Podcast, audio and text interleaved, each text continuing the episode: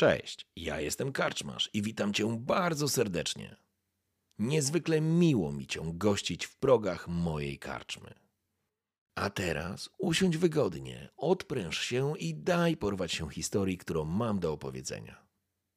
A jeśli spodoba Ci się to, co usłyszysz, zawsze możesz rozważyć wsparcie mnie za pomocą patronite.pl. Link znajdziesz w opisie. Życzę miłego słuchania.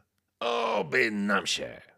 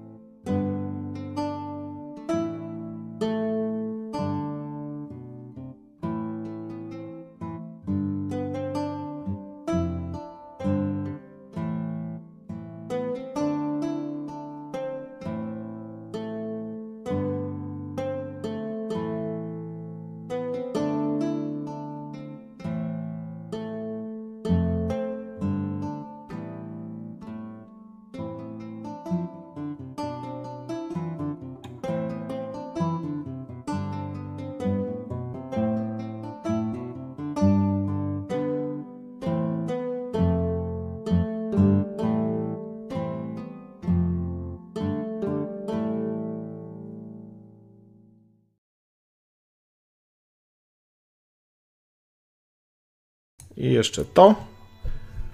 I powinniśmy być widoczni. Halo, halo, halo. Halo, halo, dzień dobry. Witamy, witamy wszystkich bardzo, bardzo serdecznie. Dzisiaj niezwykle punktualnie, godzina 23, kurczę, 30, 20.30 i proszę bardzo, jesteśmy, jesteśmy na wizji. Ze mną jest dzisiaj nowy gracz, który po raz pierwszy dzisiaj trafił do karczmy, ale no, zakontraktowany jest na cały sezon. mam nadzieję, że mam nadzieję, że Tolera przetrwa. Dredus Ononi gry. A Dredu, powiedz coś, parę słów o sobie. Przedstaw się, powiedz coś miłego. Dobrze, dzień dobry, witam serdecznie. Dredu kan z kanału z hubu Oni Oni Gry. Jesteśmy sobie taką miłą grupką zrzeszającą różne fajne kanały RPGowe. Mamy sobie fajny kanał na Discordzie, gdzie wszyscy mogą sobie wpaść i pograć, po wpadać do siebie nawzajem na, na, sesję. I ostatnio nawet Karczmarz tam wpadł do nas, gdzieś tam pograliśmy chwilę i stwierdził, ty wpadaj do nas na Wiedźmina. E, Wpadnę O. trochę, zobaczymy jak to się dzieje w internetach. Dokładnie, także my jesteśmy przed startem drugiego, drugiego sezonu sesji e, Wiedźmina. A plan jest taki, żeby drugi sezon już był sezonem, w którym będzie drużyna. No i właśnie Tolra Kernes. Kernes, ja będę oczywiście bardzo mocno prze, prze, wiesz, zmieniał, mylił się, to jest standardowe Spoko, jak się, jak się okaże, że to nazwisko jest zbyt trudne do ogarnięcia, to się zmieni. Nie, nie, ono będzie ogarnięte. Ono pewnie ewoluuje w jakieś inne, ale jeżeli nie będzie ci to nic przesz- przeszkadzać, to już tak zostanie. Mam To jest wielkimi. kontrolowane. Nie? E, poczekaj, e, trzeba Dreda zrównać z tobą głośno głośność. Dobrze, Dredzik, to ja cię robię głośniej. Bardzo dziękuję za ten komentarz, to ważna rzecz. A czemu tutaj nie mogę? Poczekaj, bo, poczekaj, poczekaj, bo mi też mikrofon spadł. Zobacz, czy teraz mnie lepiej słychać. Znaczy, ja cię słyszę dobrze, ale teraz cię podbiję jeszcze u siebie. Powiedz coś, powiedz, licz do Raz, 10. Dwa, trzy.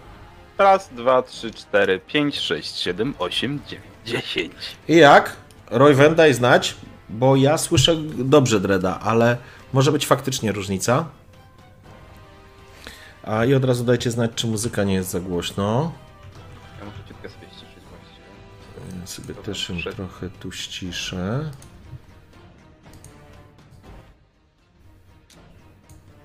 Okej. Bo ja mam praktycznie na maksa, może dlatego. Dobra, w porządku. Wydaje mi się, że jest ok. Siema Marzenka. Dreda słychać dobrze. Muzyka ok, Dreda słychać dobrze. To bardzo się cieszę. No właśnie, dobrze, to w takim razie słuchajcie, no, także właśnie Dredo to jest też y, pierwsza osoba, która odpowiedziała na wyzwanie, kurczę, kaczmarza. To był gość, który o drugiej w nocy sklejał te swoje wersy i dał radę. Człowieniu. Fajnie, fajnie, to naprawdę fajne. Także bardzo się cieszę, że mogę Wam przedstawić e, właśnie Dreda. Będziecie mogli go lepiej poznać. E, Dzisiaj jest sesja wprowadzeniowa, e, która ma na celu przybliżenie przede wszystkim Dredowi jego własnej postaci, ale również i widzom. Em, no robimy ją według, że tak powiem, e, sztuki. Sztuki w takim zna- znaczeniu, sposobu, który, który, który już też opowiadałem Wam w jakichś tam wcześniejszych materiałach. Czyli gramy sesję wprowadzeniową. Mamy historię. Dredu musi poczuć tolerę bardzo dobrze, bardzo dokładnie i mam nadzieję, że, że to się uda zrobić. A I, i, taki, I taki jest cel. A właśnie, jeszcze żeby tradycji stało się zadość, to witam i Dusted Bones, i Hurina, i Rafała, i Egona, i Roywena, i Marka, i Jetfire'a, e, i, i Konrada, i, i, i Marzenkę. Ja do tej pory Marzena nie potrafię twojego niku wymówić, więc będzie Marzena po prostu. No i witam Onion i gry i hulajnogę Bożydara też witam. Dobrze, słuchajcie, to co?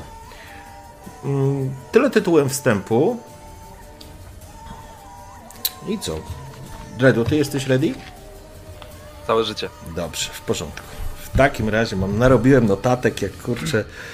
Ojejku, dobra, to zawsze jest, wiesz, zawsze mam stres, to jest taki nowy gracz, z którym nie grałem nigdy. No dobrze, zobaczymy, jak sobie to wszystko się ułoży. Dobrze, ja tylko jeszcze bym jedną rzecz chciał. To bym chciał. I włączamy to. Dobrze. To coś jest. Nie nazwał chyba. Nie, a jak? Jetfire, a Jetfire powiedziałem. A widź, bo ja zawsze przekręcam. Dobra, do. Jetfirus. Jetfire, Jetfirus. Dobra. E, w porządku. Wiedźmin, Wiedźmin, Wiedźmin.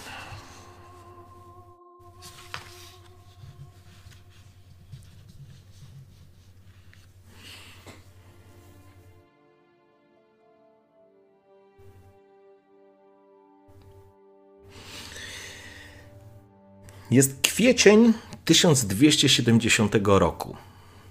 Niemalże, a właściwie dokładnie dwa lata po podpisaniu pokoju centryjskiego.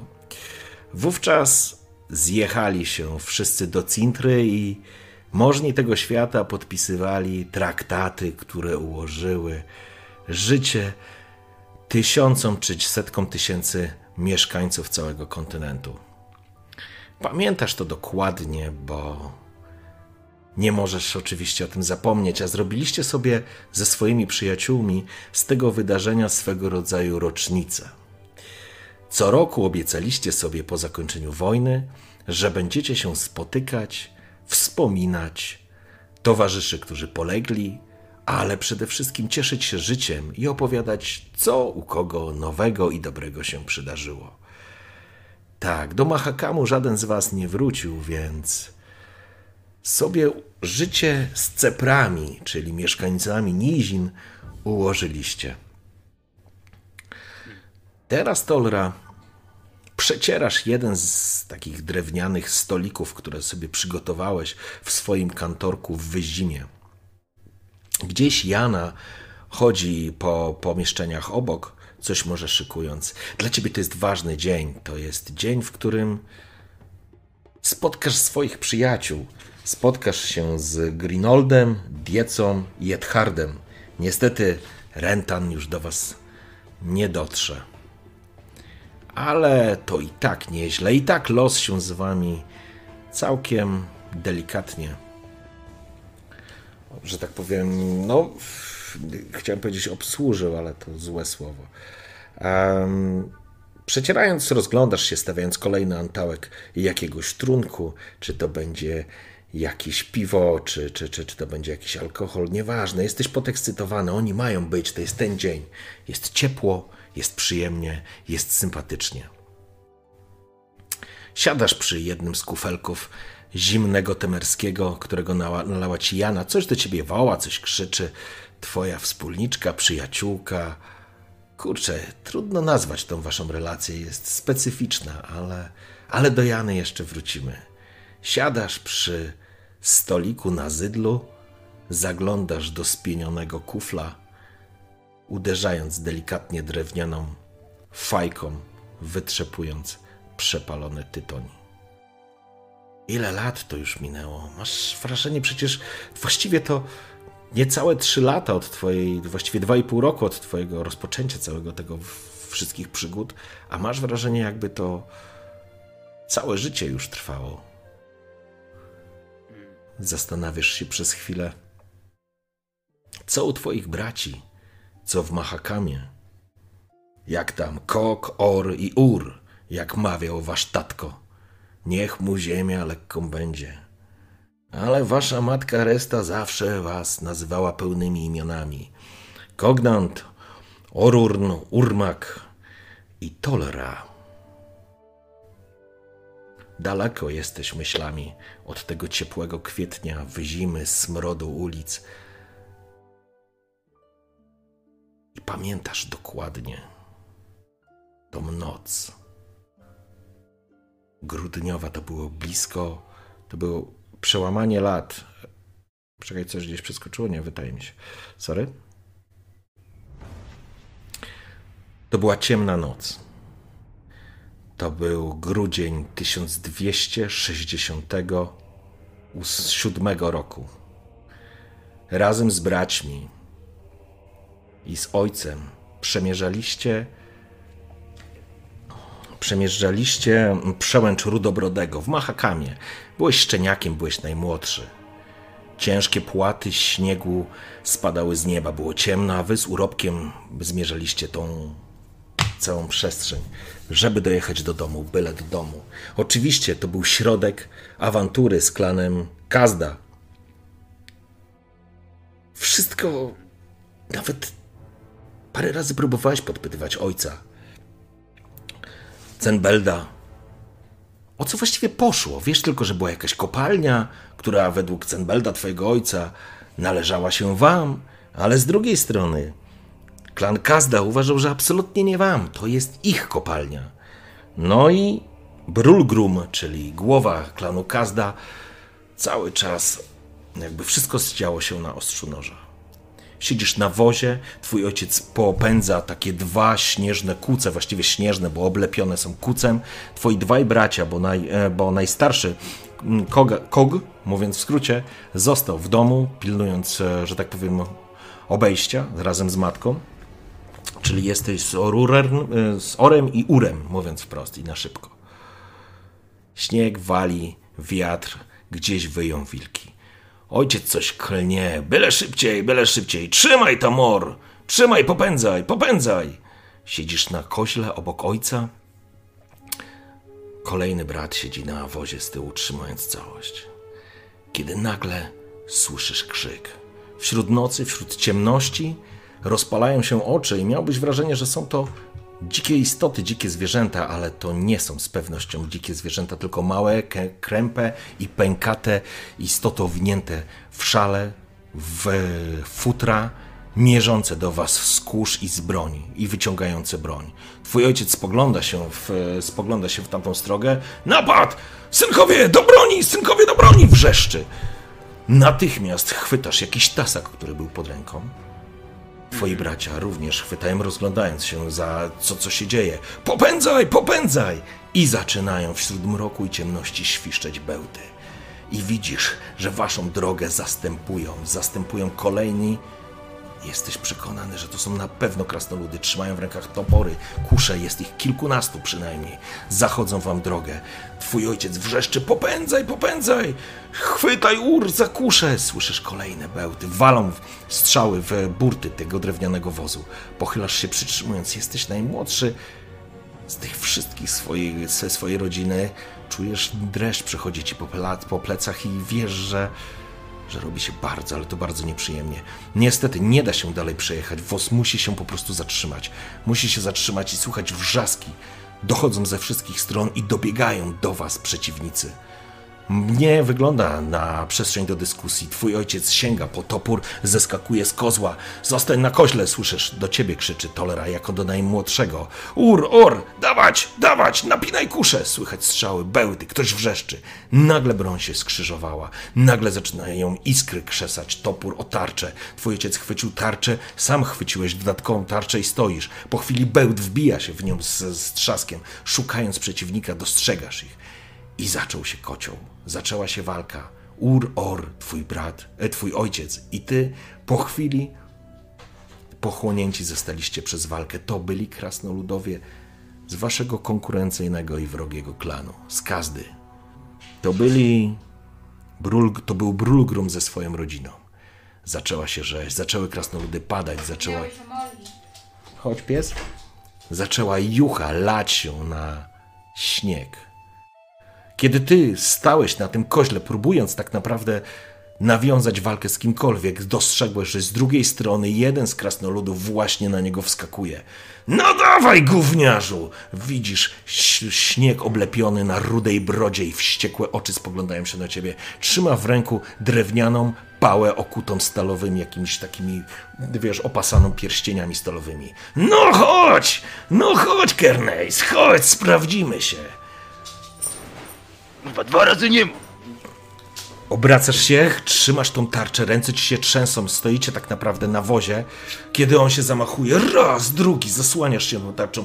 Czujesz, jak drewniana pała, właściwie ta żelazna, żelazem okutem pała uderza w tą, w tą tarczę. Raz, drugi, trzeci, pochylasz się, zaczynasz wrzeszczeć. Słyszysz gdzieś ojca krzyczącego, syna, synów swoich braci, przepraszam. Ktoś wrzeszczy, ktoś krwawi. No dawaj, gówniarzu, dawaj, z czego jesteś ulepiony? Słyszysz, jak cię okłada tą tarczą. Ciosy są potężne, ale na szczęście tarcza jest na tyle duża, że ciebie chroni, przynajmniej, przynajmniej w tym momencie.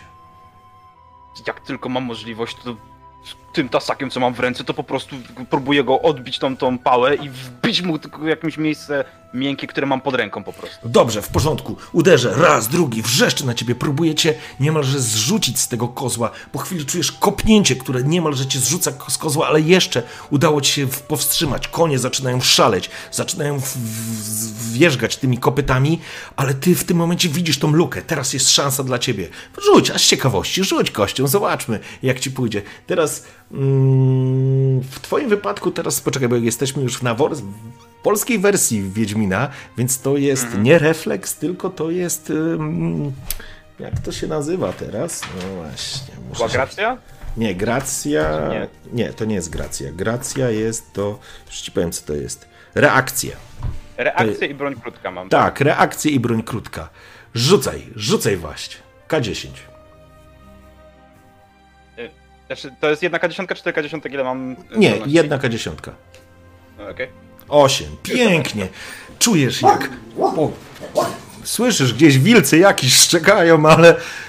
Ale pała ześlizguje się po drewnianej tarczy, a ty za niej zamachujesz się i dziabiesz go tym tasakiem, który miałeś pod ręką.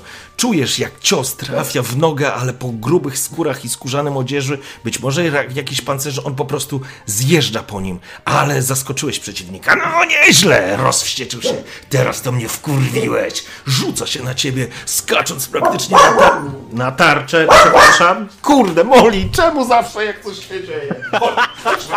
Te wilki w tle! Standardowo. Nigdy nie jest inaczej. Nigdy nie No. jest inaczej. Te zwierzątka, cudowne są. Ach, tak przy okazji, faktycznie rzuciłeś K8, ale to nieważne. Zakładam, że przy A, K... przy... Ale przy K10 to byłaby dziesiątka, więc fantastyczny rzut. Na pewno go trafiłeś, na pewno. Zaczynacie się, zaczynacie się okładać. On przyjmuje, przyjmujesz ty na tarczy jego ciosy, zaczynacie się wymieniać. Widzisz tylko kątem oczy, oka, nagle słyszysz wrzask swojego ojca. Rzucasz tylko kątem oka, widzisz, że bełt siedzi mu w nodze, w udzie, oparł się o wóz. Dalej, lać, skurwysynów, lać, skurwysynów. Słyszysz, jak kazda wrzeszczy. I nagle, kiedy ty, złączony w śmiertelnym niemal uścisku, czy w odległości ze swoim przeciwnikiem, wymieniacie się ciosami, raz po raz, on, na szczęście ty masz tarczę, on okłada o tej tarczy, nie potrafi cię, że tak powiem, z niej wyłuskać, a ty próbujesz przy każdej okazji, a to go dźgnąć, a to machnąć, a to cokolwiek mu zrobić, i nagle słyszysz swojego ojca, jak wrzeszczy. Brulgrum! Brulgrum! Skurwysynie, gdzieś ty jest? Gdzieś z przodu widać Brulgruma. Trzyma dwuręczny młot. Ruda broda, oni wszyscy z kaz... z... z... mm, kaz... no wiedziałem, że będę mylił. Kazda, Kazda. przepraszam, z Kazd, tak, z klanu Kazda, wszyscy rudobrodzi. Jestem tu, psi chwoście.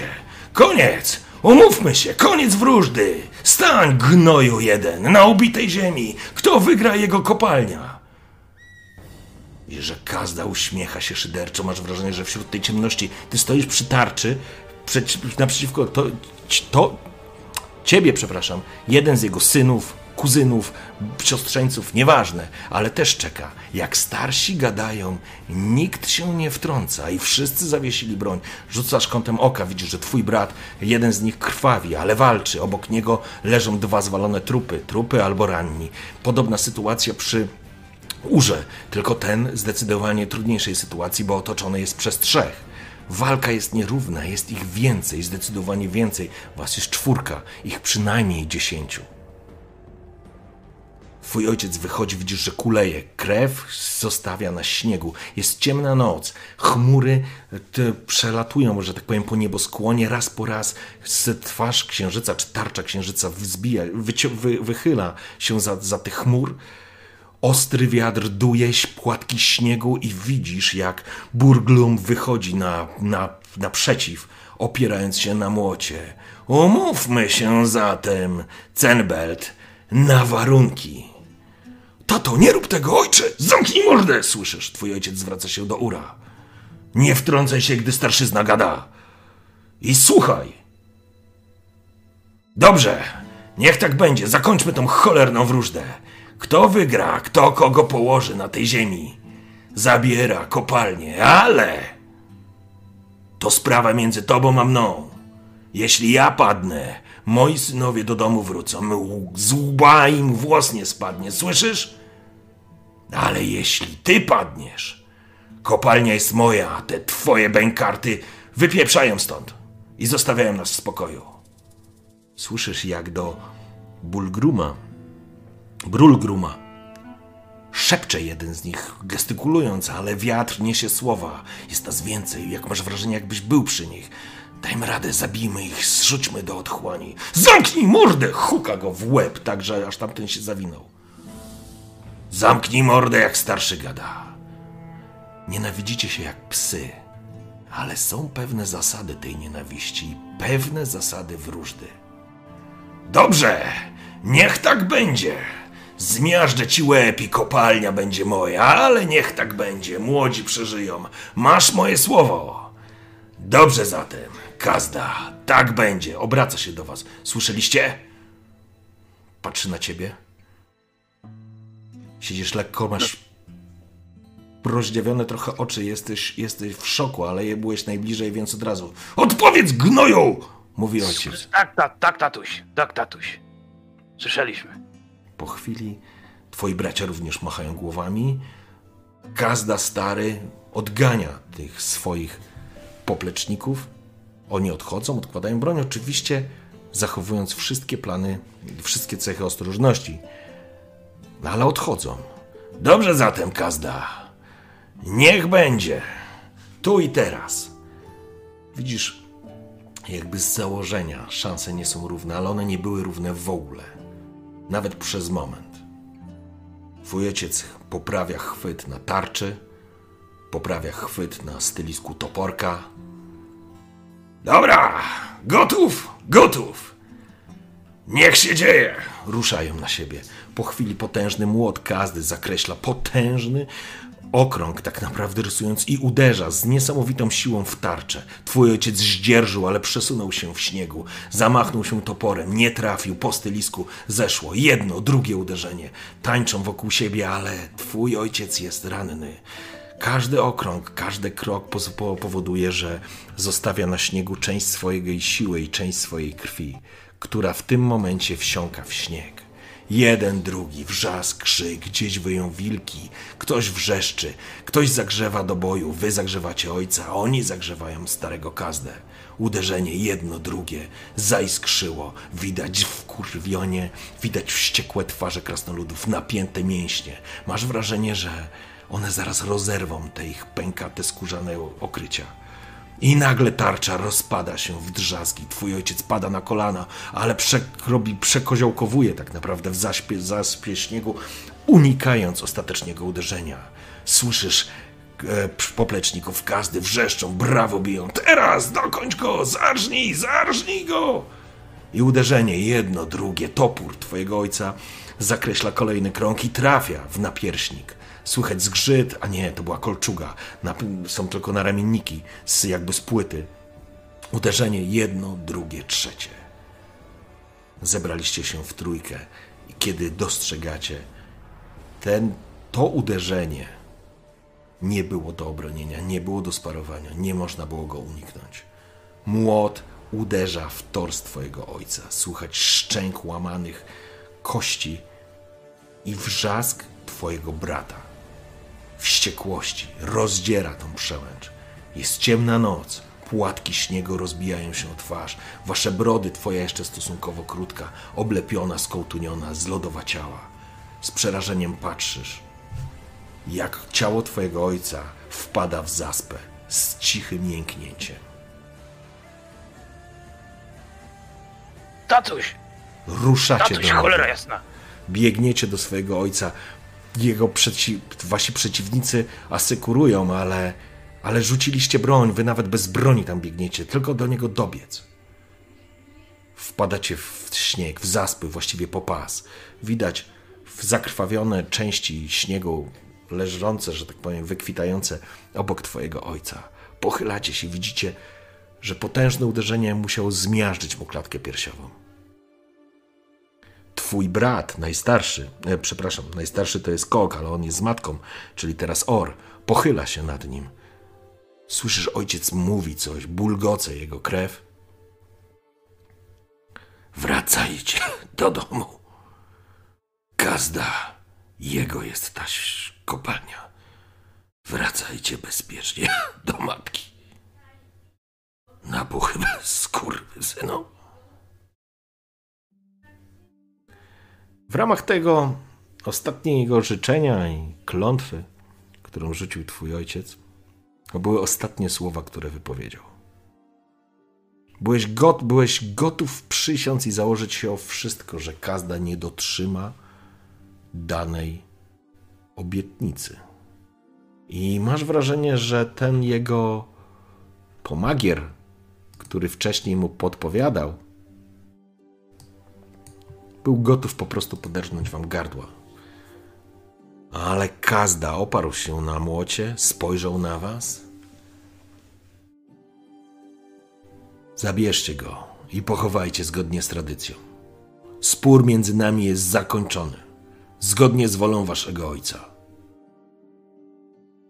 Wyciągał łapę, potężną łapę, która jest zakrwawiona od któregoś ciosu, prawdopodobnie który doszedł waszego ojca.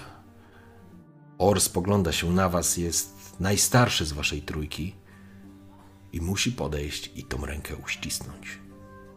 I wśród ciemności, wiatru, mrozu, śniegu, krwi i łez, które gdzieś tam po policzkach zaczęły ciec, na szczęście śnieg maskuje to, zakończyła się wówczas oficjalnie wróżda między Kernajsami a Kazdami. Twój ojciec zapłacił najwyższą cenę, ale uratował wasze życie. Ściągnęliście go na wóz i ruszyliście do domu.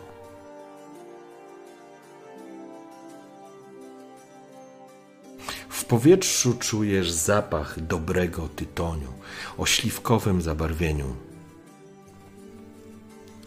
Rozpościerasz gnaty na tej drewnianej ławie swojego kantorka. Jest rano. Chłopaki nie dotrą tutaj szybciej niż, niż po południu. A ten dzień zawsze był nostalgiczny.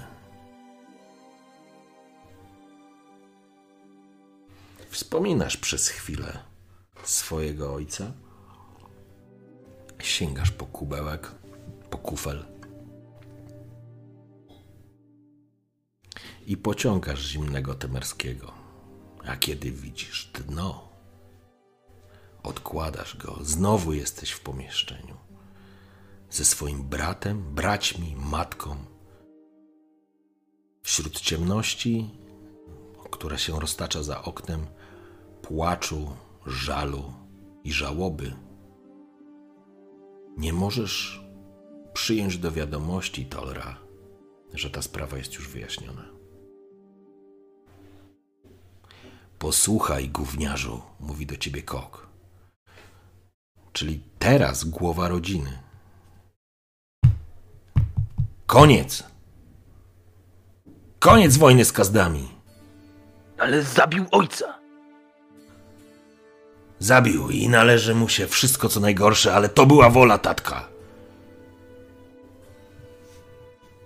I co, oddamy im kopalnię? Drugi, kurwa!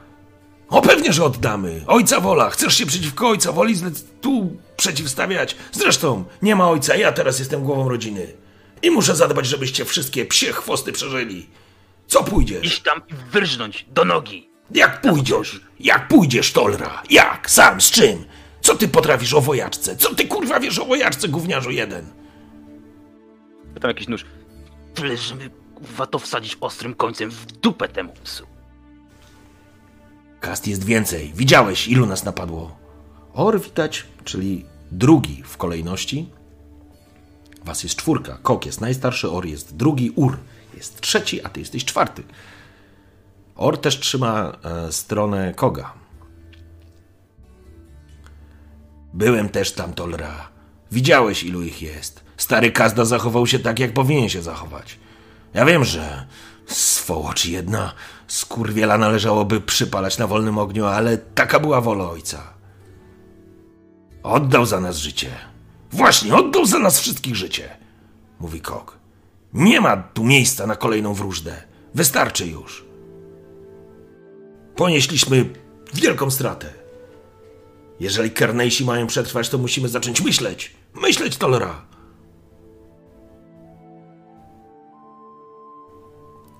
Ur kiwa głową.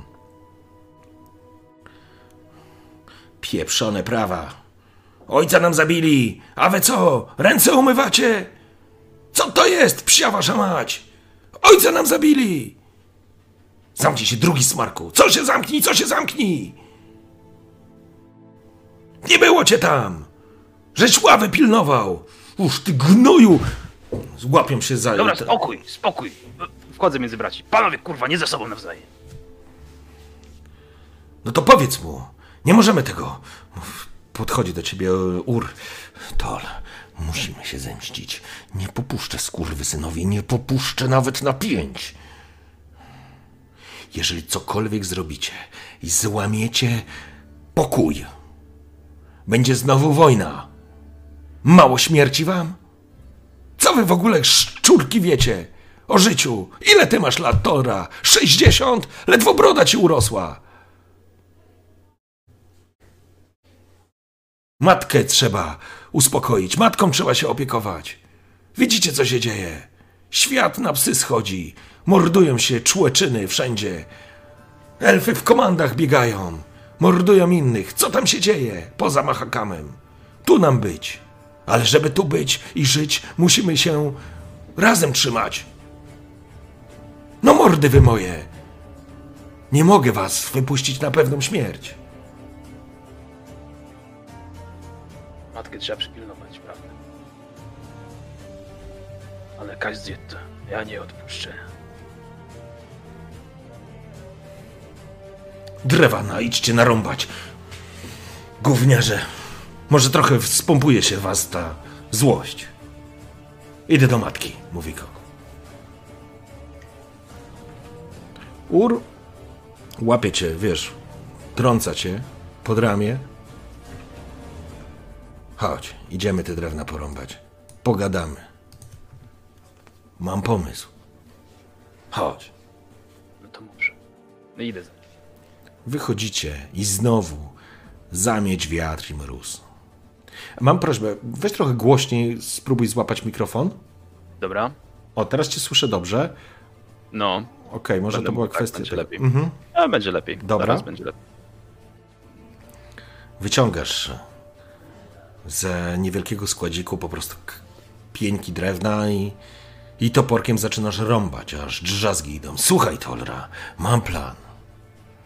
Wiesz, wiem, gdzie ojciec miał ładunki, które wykorzystują saperzy do rozbijania ścian w kopalniach. Chodźmy i tą cało zarzewie tej cholernej wojny puśćmy z dymem, zawalmy w pizdu tą kopalnię. Nikt nie będzie z niej miał pożytku.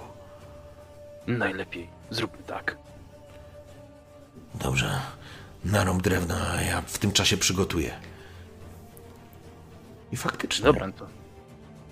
zaczynasz rąbać, a jakiś plan i pomysł faktycznie się pojawia.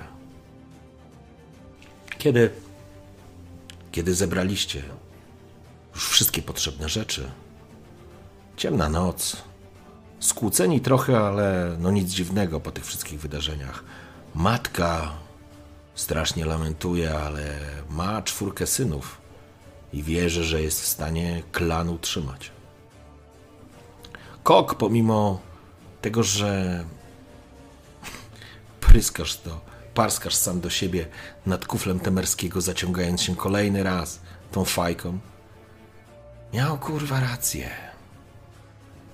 Ale młodość, krew nie woda, uśmiechasz się, dolewając sobie z dzbana kolejny kufelek. I faktycznie, razem z Ur, czyli, mm, czyli Urmakiem, razem z Urmakiem popędziliście w noc. Wsiadając na te koniki, kucyki owłosione, strasznie przyzwyczajone do mrozów i wysokich gór, ruszyliście.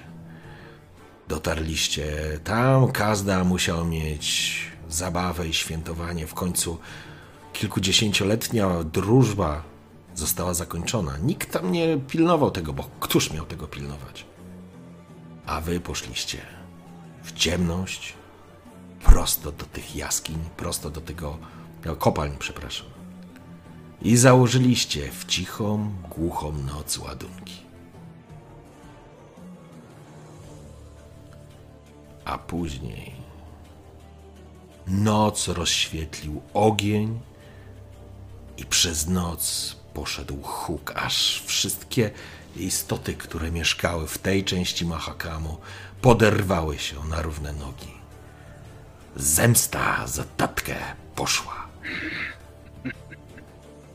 Ponieważ wszyscy, wszystkie krasnoludy w ten czy w inny sposób z kopalnią i z górnictwem na pewno się w pewien sposób gdzieś tam spotykają na swojej drodze. Wiedzieliście, co zrobić. Doszczętnie zasypaliście zejście do kopalni. Odkopanie tego wejścia i odkopanie szybów będzie bardziej pracochłonne i najprawdopodobniej e, ekonomicznie nieuzasadnione, żeby ktokolwiek to chciał zrobić. I wróciliście. A na was czekał wówczas Kog. I brat. Drugi. Or. Oczywiście, gdyby nie matka, byście się chyba pozabijali w tej, tej, w tej, w tej sali waszego domu, głównym pomieszczeniu. Wrzaskom, krzykom nie było końca, ale na końcu, kiedy prawie sobie po mordach daliście, wasz brat, najstarszy, uśmiechnął się, przytulił was i powiedział: Raz matka rodziła, ale matce ni słowa, ni słowa powiedziałem, ale wy bezpieczni nie jesteście. Musicie stąd spieprzać. No ale dokąd? Jest pewien pomysł, mówi drugi brat, Or, czyli Orurn. Szykuje Bruverhawk ochotniczy chów mahakamski na pomoc Foltestowi, żeby bić czarnych. Jest tam wujcio od strony matki. No, no skoro wujcio, to od strony matki, mówi Kok. No tak, uśmiecha się. Jest Forbel Skax. Tam pójdziesz. Mówi do ciebie Tolra, jesteś najmłodszy, przy nim nie zginiesz. Walczyć gówno umiesz, a on za rachmistrza i kwatermajstra tam służy. Więc będziesz pomagał i nosił. A ty, ty pójdziesz w drugą stronę, mówi do twojego młodszego brata. Sprawa trochę przycichnie i wrócisz. I tak też się stało. Tak też się stało. Był to 1268 rok. W 1267 wysadziliście w grudniu tą kopalnię w cholerę. A, przepraszam, w grudniu była ta akcja ze, z, z waszym ojcem. Myślę, że gdzieś na przełomie po prostu roków, yy, lat. To mało istotne. Ale z wujem Forbelem spotkałeś się pod koniec stycznia. Forbel to potężny krasnolud, który na nosie miał z przydymionego szkła okularki, palił wiecznie fajkę i był łysy jak kolano. Ubrany był w skórzaną, mocną tunikę i wyglądał na mądrzejszego niż silniejszego, ale trudno było dyskutować. Kiedy Koch doprowadził cię do niego i wasza matka, która ciebie żegnała, najpierw Forbel uśmiechnął się i przywitał się z waszą matką Restą. Przywitali się, powiedzieli. Nie było dużo czasu na dyskusję. Który to? Ten. Spogląda na ciebie, obraca się. Jest od ciebie dużo potężniejszy, ale jego twarz jest uśmiechnięta. Jego jasna broda zwinięta jest w kilka takich warkoczy. No dobrze, Tolra, więc do ochotniczego hufu idziesz. Do wojska, bratku, idziesz. No, no do wojska idę. Dobrze, dobrze, klepie cię w ramię. Kok spogląda się, uścisnął dłoń wuja. Dziękuję mu. Dobrze, Kok, dobrze, klepie go po pysku. Jesteś głową rodziny. Wasz ojciec dobrze zrobił. Trudne to dla was, ale dobre. Dzięki temu Kernajs przetrwa. I zrób Kok wszystko, żeby przetrwał, a o młodego się nie martw. W pierwszej linii nie pójdzie. Będzie moim pomagierem. Co nie tolera? Bo pamiętaj, tam gdzie ojca nie ma, wuja słuchać będziesz. No dobra, wuja, będę słuchał. I faktycznie trafiłeś do ochotniczego hufu mahakamskiego. Chówca, przepraszam. Um, jak się okazało, od, twojej, od strony twojej matki rodzina i klan Skax jest również um, w ramach um, ochotniczego hufu, Chówca, jednym z oficerów jest słynny, czy wówczas, teraz już słynny, wówczas jeszcze mniej słynny, Sheldon Skaggs. Ale on do bitki, a Forbel do liczenia i kwatermajstrowania. I faktycznie ruszyliście. Mahakamski hufiec 4000 krasnoluda, który w ramach pomocy było nie było seniorowi Mahakamu, czyli Foltestowi, został wysłany do, do Ceprów. Na niziny zeszliście z Mahakamu i dotarliście do Królestw Północy, do Temerii.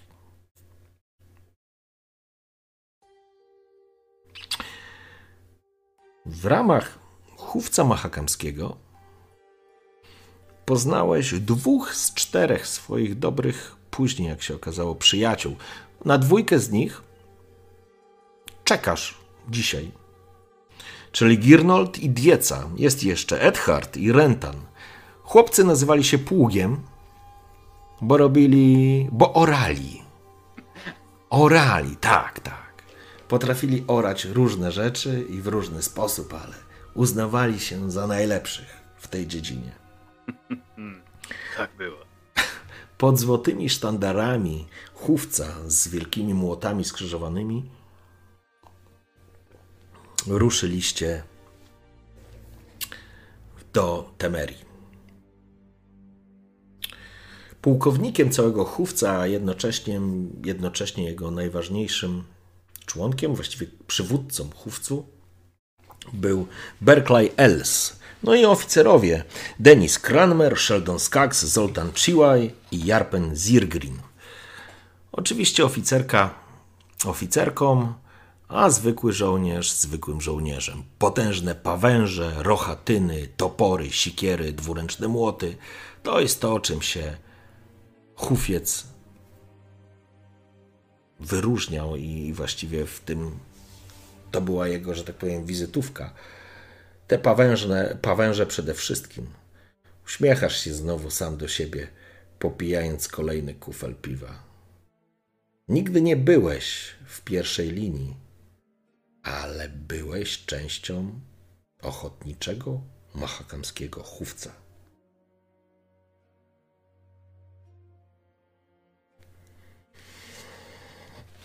I pamiętasz, kiedy maszerowaliście obok wyzimy, widząc ją po swojej prawej stronie, maszerowaliście za wolną kompanią pod yy, słodką trzpiotką i śpiewaliście wszyscy na całe gardło swoją pieśń. Hu, hu, hu, czekajcie klienty, wnet wam pójdzie w pięty, rozleci się ten burdel, aż po fundamenty. Hu, hu! I wrzeszczeliście na całe gardło, a mieszkańcy Wyzimy i okolicznych wsi spoglądali na was częściowo z podziwem, częściowo z przestrachem, bo jak maszeruje cztery tysiące krasnoludów, krasnoludzkiego luda, to ziemia drży. To ziemia drży.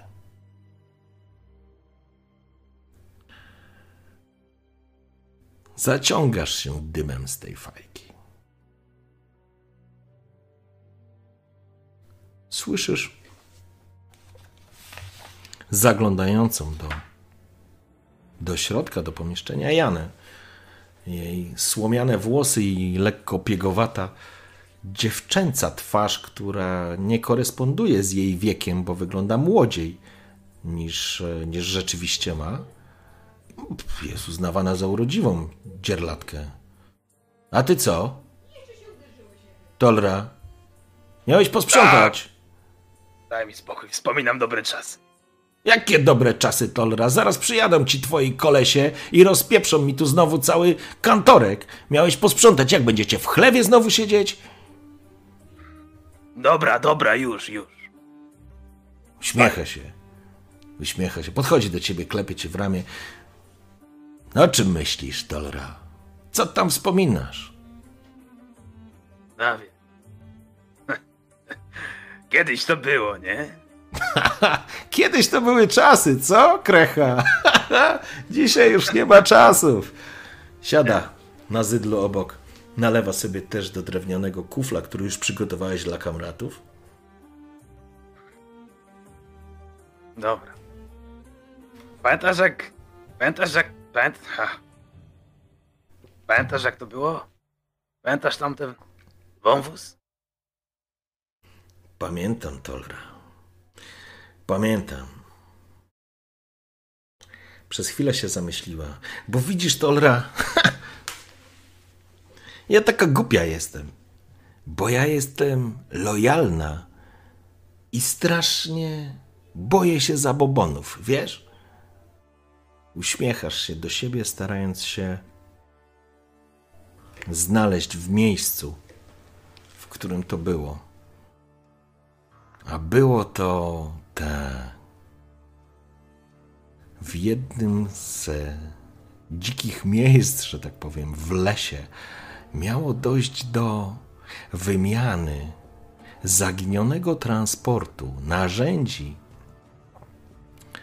oraz sprzętów i materiałów budowlanych, które po zakończonej wojnie były niezwykle chodliwe i dały ci bardzo dobry start w przyszłość. A wszystko dzięki wcześniej wspominanemu Forbeli Skaksowi. Ale zanim będziemy w tym lesie, wróćmy jeszcze do 1268 roku, do marca, luty marzec do sytuacji, kiedy wschodni front utknął w Verdun, gdzie wybuchły zamieszki, gdzie wybuchły rebelie, gdzie zdrajcę Erwyla zabito i w końcu jego syn przejął władzę. I gdzie Devet musiał się tak naprawdę ugotował się sam, stając czoła, stawiając czoła przeciwko powstańcom, skeligijskim piratom i Cidaris. A dla was, dla wszystkich, nazwijmy to Temerczyków, dla wszystkich innych, poza czarnymi i elfami ze Skojatel, to był sygnał, że czarni wcale nie są niepokonani, że czarni mogą umierać i trzeba ich zabijać. I wtedy po raz pierwszy, Tolra, zrozumiałeś, czym jest wojna.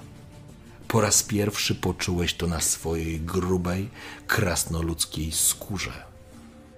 Po raz pierwszy poczułeś, co to znaczy szczać pod siebie i liczyć się z każdą chwilą, że będzie śmiercią. Wówczas oczywiście jako służba kwatermajstra nie byłeś w chówcu na linii. Nie tworzyłeś czworoboku.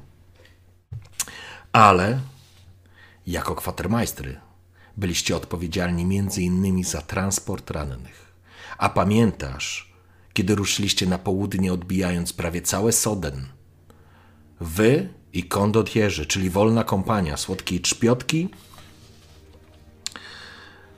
E, Adie Pangrata, Frontino Gutierreza i Lorenzo Molla, przywódcy tejże czterech przywódców wolnej kompanii za, jak się później okazało, za kowirskie pieniądze najętej. Oni szli, a dokładnie szła Julia Abatemarco, słodka czpiotka, na czele tysiąca kondotierów wspomagana przez was, przez ochotniczy chówiec mahakamski, który utworzył olbrzymi czworobok, z pawęży jak żółw, szedł razem z kondotierami do Majeny, która była opasana czarnymi. I słyszałeś, jak wrzeszczą: Bij za dukat, co jak słońce złoty! Bij, wolna kompania! I słyszałeś: Czekajcie, klienty, wnet wam pójdzie w pięty! Poszli i ona wyrwała się. Coś, co było nie do zrozumienia, nie do opisania.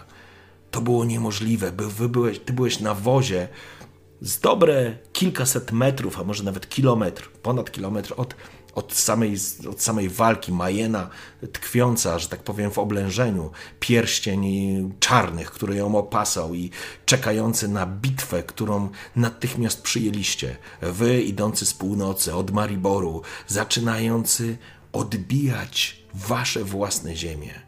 Ale tu pod Majeną to właśnie była wojna i bitwa, przepraszam dla kondotierów i dla waszego chówca. Była wojna. Wszystko się działo, a ty z góry miałeś przepiękny widok. Szliście konwojem w, czter, w trzy wozy, przepraszam. Na każdym wozie dokładnie czterech krasnoludów. Dwóch na koźle i dwóch na wozie.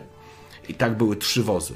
Wozy wypełnione rannymi i tymi, którzy być może już nie dotrą do szpitala a przy was na wozach dwóch medyków, którzy starali się tak naprawdę doprowadzić do tego, że, że, że, że ci ranni po prostu dojadą. Pamiętasz swojego wuja, Forbel? Spoglądał się na ciebie i mówi: Słuchaj, Tolra, ci medycy są na wagę złota i mnie może spaść z, z głowy włos. Choćby się waliło i paliło, masz ich dowieść. Jesteście eskortą. To jest krótka odległość, ale tu jest wojna, a tam jest front. A gdzie drwa rąbią, wióry lecą. Pamiętaj, Torra. Torra! Wali w łeb! Ty trochę rozkojarzony. Spoglądałeś gdzieś, tak coś myślałeś. To nie są kurwa żarty. Tam teraz morduje się przynajmniej sześć tysięcy luda. Dowierzymy ich. Pamiętaj, włos z głowy. Oni są jak złoto. Żywe złoto. I faktycznie, jechaliście, oni przeskakiwali między wozami. No były trzy wozy, było dwóch medyków. Byliście z dala od frontu. I widziałeś, widziałeś ten bohaterski i opiewany później w pieśniach manewr gdzie słodka trzpiotka Julia Batemarko poderwała, jak później mówiono, tysiąc luda, tysiąc, wol, tysiąc wojowników wolnej kompanii, najemników zaprawionych w bojach, rzeźników, którzy nie kłaniali się nikomu. I ruszyli. I ruszyli przeciwko trzytysięcznemu zagonowi czarnych, i wówczas po raz pierwszy miałeś okazję ich widzieć. Oj, będziesz to pamiętał, zgrzytają ci zęby, kiedy przez chwilę przypominasz sobie to, co się działo później. A tam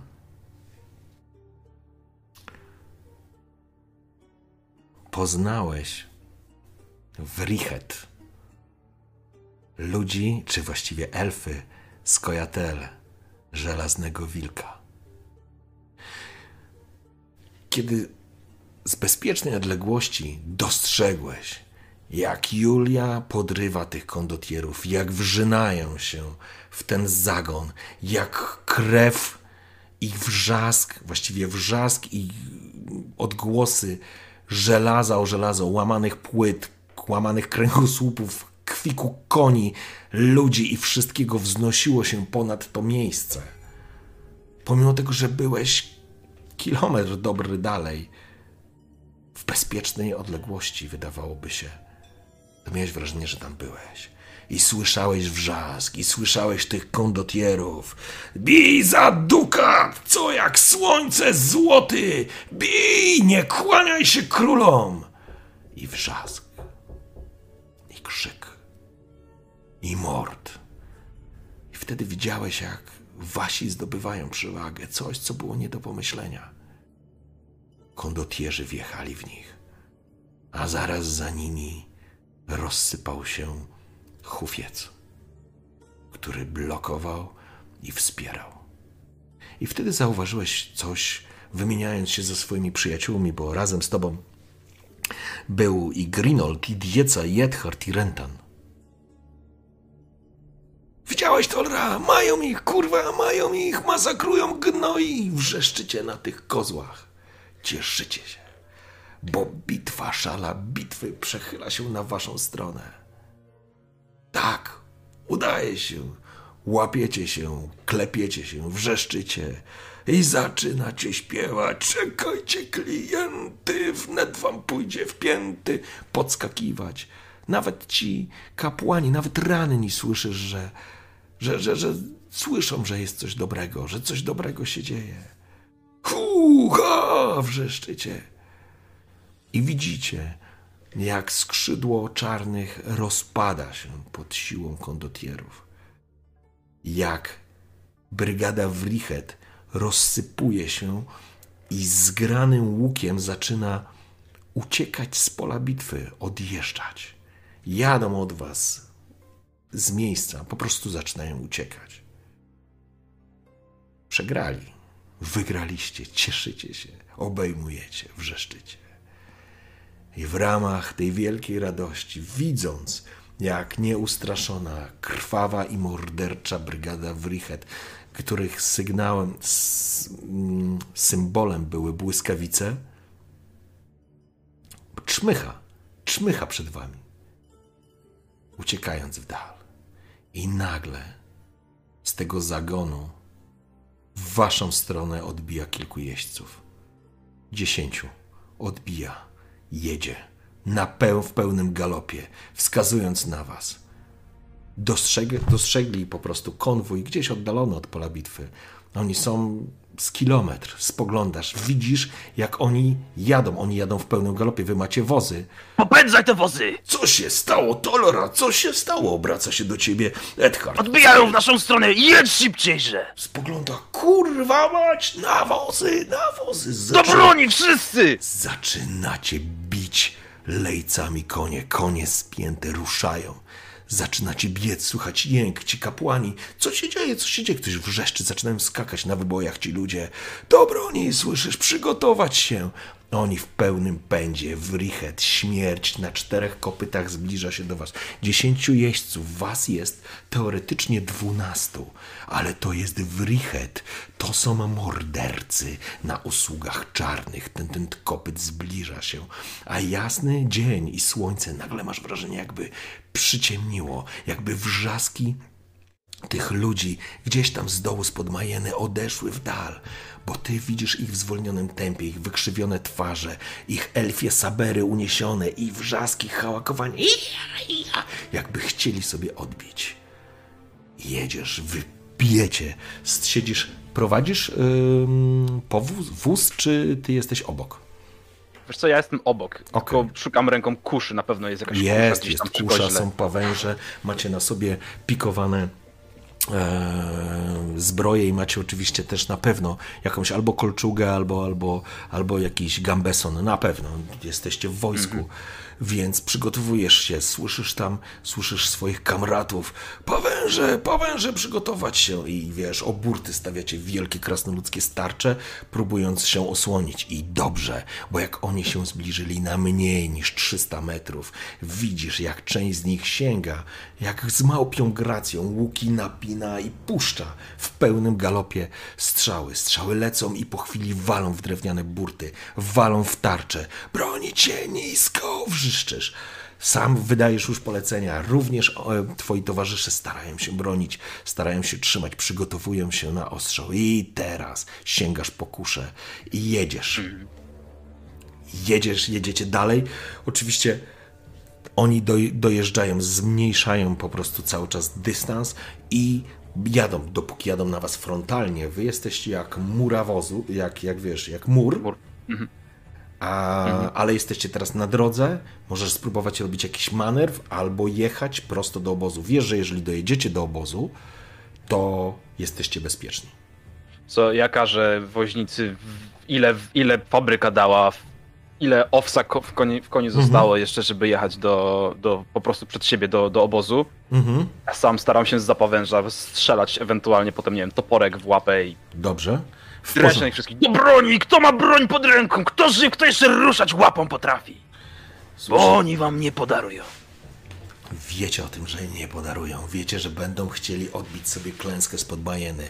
Że wy jesteście teraz uosobieniem ich, ich jakiejkolwiek radości z tej bitwy i nikt nie ujdzie żywy. Słychać jakieś wrzaski, krzyki, poszczególni jacyś ranni, ktoś próbuje się podnieść, próbuje, ale to są naprawdę ciężko poranieni ludzie. Oni nie będą stanowić wielkiej siły e, do walki, natomiast 12 krasnoludów jest już pod bronią. Macie kuszę, odległość 150 metrów, 100 metrów, słyszysz ten, ten kopyt i teraz po raz pierwszy masz wrażenie, jak to wygląda, jeżeli szarżuje cała ława konnicy czarnych. Ta ziemia musi trzęść się. Wy, ludzie, którzy stoją na ziemi, prawdopodobnie podskakują. O, masz takie wrażenie, to jest tylko 10 koni, łeb w łeb jadą, chmarą i teraz jest czas na oddanie I strzału. strzelamy. I Wrzeszczysz. strzelamy, jak tylko są w zasięgu. Teraz! teraz i nagle kusze oparte o krawędzie waszych pawęży, strzał, spuszczane, spuszczane cięciwy z, ze wozów w pełnym pędzie.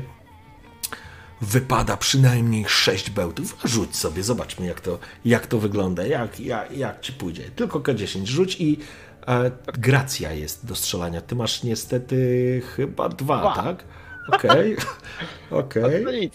Dobrze, to nic, to nie jest ważne. 7, 9, bełt poleciał, pofrunął gdzieś pomiędzy końmi, ale to pozwoliło wam na rozbicie ich szyku. To znaczy, oni już wiedzą, że nie jesteście po prostu ofiarami, które czekają na mord. Z jednej strony to dobrze, ale z drugiej strony problem polega na tym, że oni rozdzielają się i będą chcieli was zajechać z drugiej strony. Widać, że jeden z elfów dostał, jakiś koń kwiknął zrzucając jeźdźca, więc zostało ich ośmiu, ale dostrzegasz, że na jednym z koni, na dwóch koniach tak naprawdę jest dwóch jeźdźców.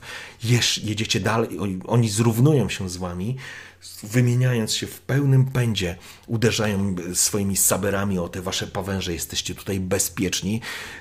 Wydajesz polecenia ładować, ładować. Część ładuje Ładować! Są pod burtą, kto może, ten toporem! i zaczyna się rzeź, zaczyna się wymiana uderzeń. Teraz z tej strony one nie są za bardzo, że tak powiem, wy jesteście w bezpieczniejszej sytuacji, ale dostrzegasz kątem oka. Wy ty jesteś na pierwszym wozie, że na końcu trzeciego wozu trzech z nich odbiło i otacza was, tak jakby od miękkiego was weźmie, bo tarcze macie, wiesz, macie pawęże od frontu, a oni was zajeżdżają z drugiej strony.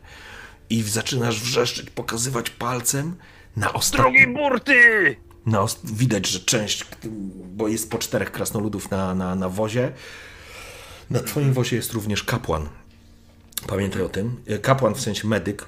Medyk albo kapłanka to teraz jest nieistotne. Widzisz, że przykładają tą z, z, na, na końcu tego wozu te swoje pawęże, uderzają o boki, ale oni już są. I dostrzegasz, jak jedne, jeden z nich, łapiąc ręka za rękę, wrzuca na wóz i teraz dostrzegasz, kurwa, to wasz. Krasnolud. Wpada w czapie, z wiewiórczym ogonem, z, z tymi z, mm, znakami błyskawic na stroju. To jest trzeci wóz i dostrzegasz, jak Retan, Rentan spogląda, obraca się, wyciąga topór, spogląda krasnolud. Zawahał się. Tamten się nie zawahał. Wrzeszczysz do niego, kiedy jego toporek zakreśla łuk, a ty wrzeszczysz Rentan! Strzały walą o burty z jednej i z drugiej strony. Koń nagle dostaje strzał. Widzisz, że ten twój woźnica spina drugiego, żeby utrzymać. Kobyła pada, blokując drogę. Następna, następna, następny wóz cudem was omija, żeby was, was nie wjechać. A Rentan pada. Słyszysz diecę, który siedzi tam z nim na wozie. Kurwa! Zamachuje się wielkim toporzyskiem i sród tego krasnoluda przez łeb. Jucha bluznęła, ale po Rentanie wpadł między rannych. Ty widzisz, jak miecze tak naprawdę, już teraz ta ekipa w Richet po prostu próbuje ciąć jeden po drugim, zajeżdżają was z drugiej strony, trudno się bronić, obracasz się w jedną, w drugą, dobywasz topora, widzisz, jeździec podjeżdża do ciebie, tak naprawdę zamachuje się. Piękna elfia twarz, ale to nieważne. No pierdolasz, zamachujesz się, próbujesz go sięgnąć, ale jest w siodle, ma dłuższe łapy, nie sięgasz, nie czekasz, konia, chlast w gardło, koń staje, zrzucając elfa i zaczyna się rzeź, bo elfy zeskakują również z tych koni i wskakują, próbując po prostu was mordować. Kątem oka dostrzegasz tylko kapłana, który jest przy burcie, jednego z krasnoludów, który właśnie pada, drugi zostaje, wrzeszczysz tylko pawęż! Pawęż! kapłana! Powęże! Natychmiast pawęż na, zrobicie trochę takiego, wiesz, takiego, takiego żółwia, z, z, zaciska ci dwa pawęże, o te pawęże walą. Tak naprawdę broń i słyszysz wrzaski, słyszysz krzyk i kwik, walka trwa, nie wiesz co się dzieje, wiesz, że stoicie? I to bardzo jest źle, że stoicie. Wokół was tańczą ci z Wrichet i, i szukasz tak naprawdę okazji, żeby, żeby, żeby przetrwać, żeby się obronić, żeby ich pokonać. nie zapomnieli Ale o trudno to zrobić, miło. trudno to wychylić się tak naprawdę za tej pawęży i nagle słyszysz ten, ten kopyt. Gdzieś wrzask, krzyk. Chyba padł jeden z e, kapłanów, albo wrzeszczy, może jakiś elf, może jakiś ranny.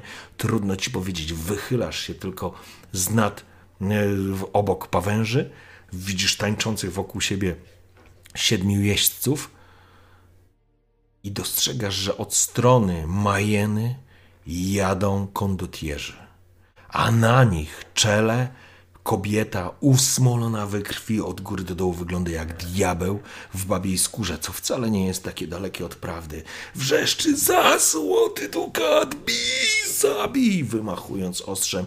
Bełty zaczynają lecieć, a Wrichet w tym momencie zaczynają uciekać. Wrzask, słyszysz starszą mowę, słyszysz polecenia, ktoś próbował jeszcze kogoś dźgnąć, ktoś ko- kogoś zabić, ale to nieważne.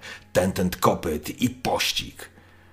Po chwili wychylasz się z nad pawęży, za pawęży tak naprawdę, dostrzegasz wokół siebie kondotierów, ich piękne ciuchy, piękne szaty, kolorowe, napierśniki, fantastycznie ozdobione i wszystko morsone w błocie, krwi, flakach. Podjeżdża do was koń, który był chyba śnieżno-biały, ale teraz trudno powiedzieć, jaki on miał prawdziwy kolor, bo jest ubabrany juchą od góry do dołu. A na nim kobieta z pięknie, z piękną twarzą, która jest przerażająca jednocześnie. Kto tu dowodzi? Kto tu dowodzi? Aktualnie chyba ja. Wyglądasz. Uśmiechasz się. No proszę, dobra robota, panie krasnoludzie. Dobra robota. Broniliście się przed Wrichet. Dobrze, dobrze. Ten mały ludek, a jaki bitny. Co chłopaki? Za złoty dukat. Podnoszą broń. A Wrichet po nich już został jeno wspomnień czar, bo rzucili się oczywiście do karkołomnej ucieczki i mieli na karkach pogoń. I tak po raz pierwszy spotkałeś słodką trzpiotkę, o której dowiedziałeś się, że jest słodką trzpiotką dużo, dużo później. Ale była tylko jedyna kobieta, która wolną kompanię była dowódcą wolnej kompanii, jednym z czterech dowódców. Urosłeś wtedy sam dla siebie. To legendarna postać. A wy obroniliście. I na szczęście, i dobrze wykonaną robotę, faktycznie, faktycznie kapłani przeżyli. Medycy i kapłani. No, powiedzmy, że był jeden medyk, drugi kapłan. Ale część radości prysła jak bańka, kiedy razem z Greenholdem, Diecą i Edhardem stanęliście nad martwym Rentanem, który miał tak naprawdę rozoraną głowę i pękniętą czaszkę. Twarz była zmasakrowana od uderzenia toporem tego krasnoluda, który był w Skojatel. I wtedy jedna rzecz, która jeszcze padła z ust słodkiej trzpiotki. Przyjdzie czas się radować, panie krasnoludzie, ale teraz opłaczcie swoich przyjaciół. Spięła konia i ruszyła. Faktycznie pogrzebaliście niedaleko Majeny jednego z czterech Rentana. Zawahał się. Ty się. Już później ty byś się nigdy nie zawahał, ale. Ale nie wiesz, czy gdybyś stanął naprzeciwko krasnoluda, byś, byś miał tą chwilę. Czy byś walczył, czy byś się zawahał.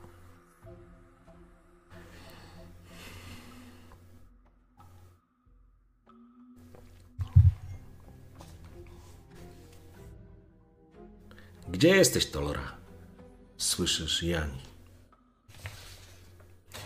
Jana siedzi, zaciąga się również taką gilzą. Gdzie jesteś, Tolora? Czujesz, jak ręce ci bieleją od zaciskania na drewnianym kubku. I dopiero kiedy wiesz, masz tego świadomość, jak wracasz po prostu, reflektujesz się.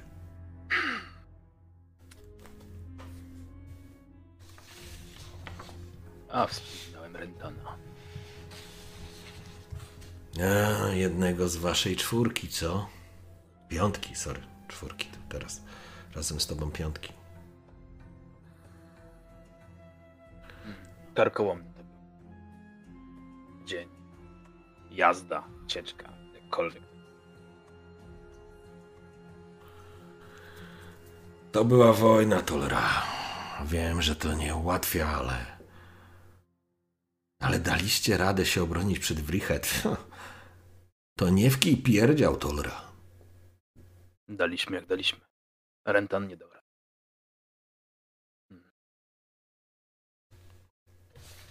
Polewa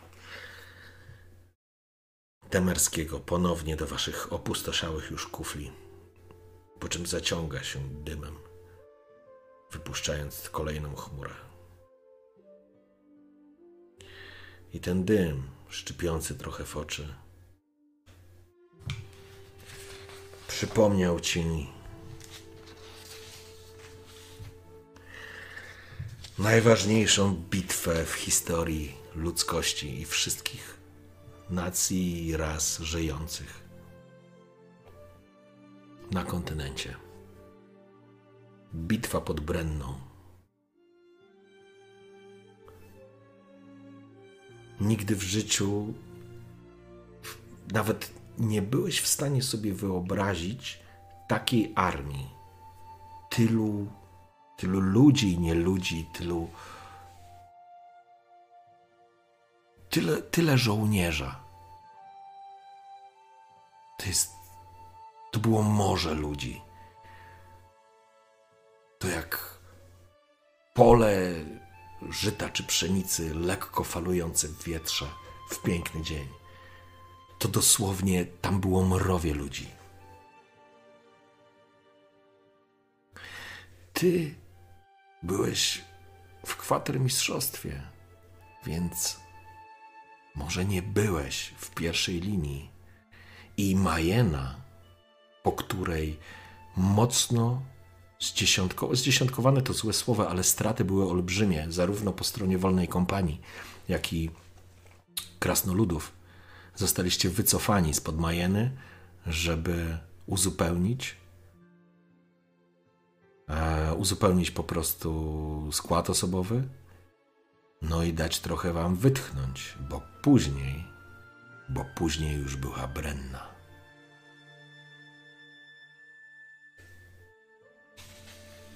Wojna. Ktoś kiedyś powiedział, że wojna nienawidzi matek i to, i to prawda.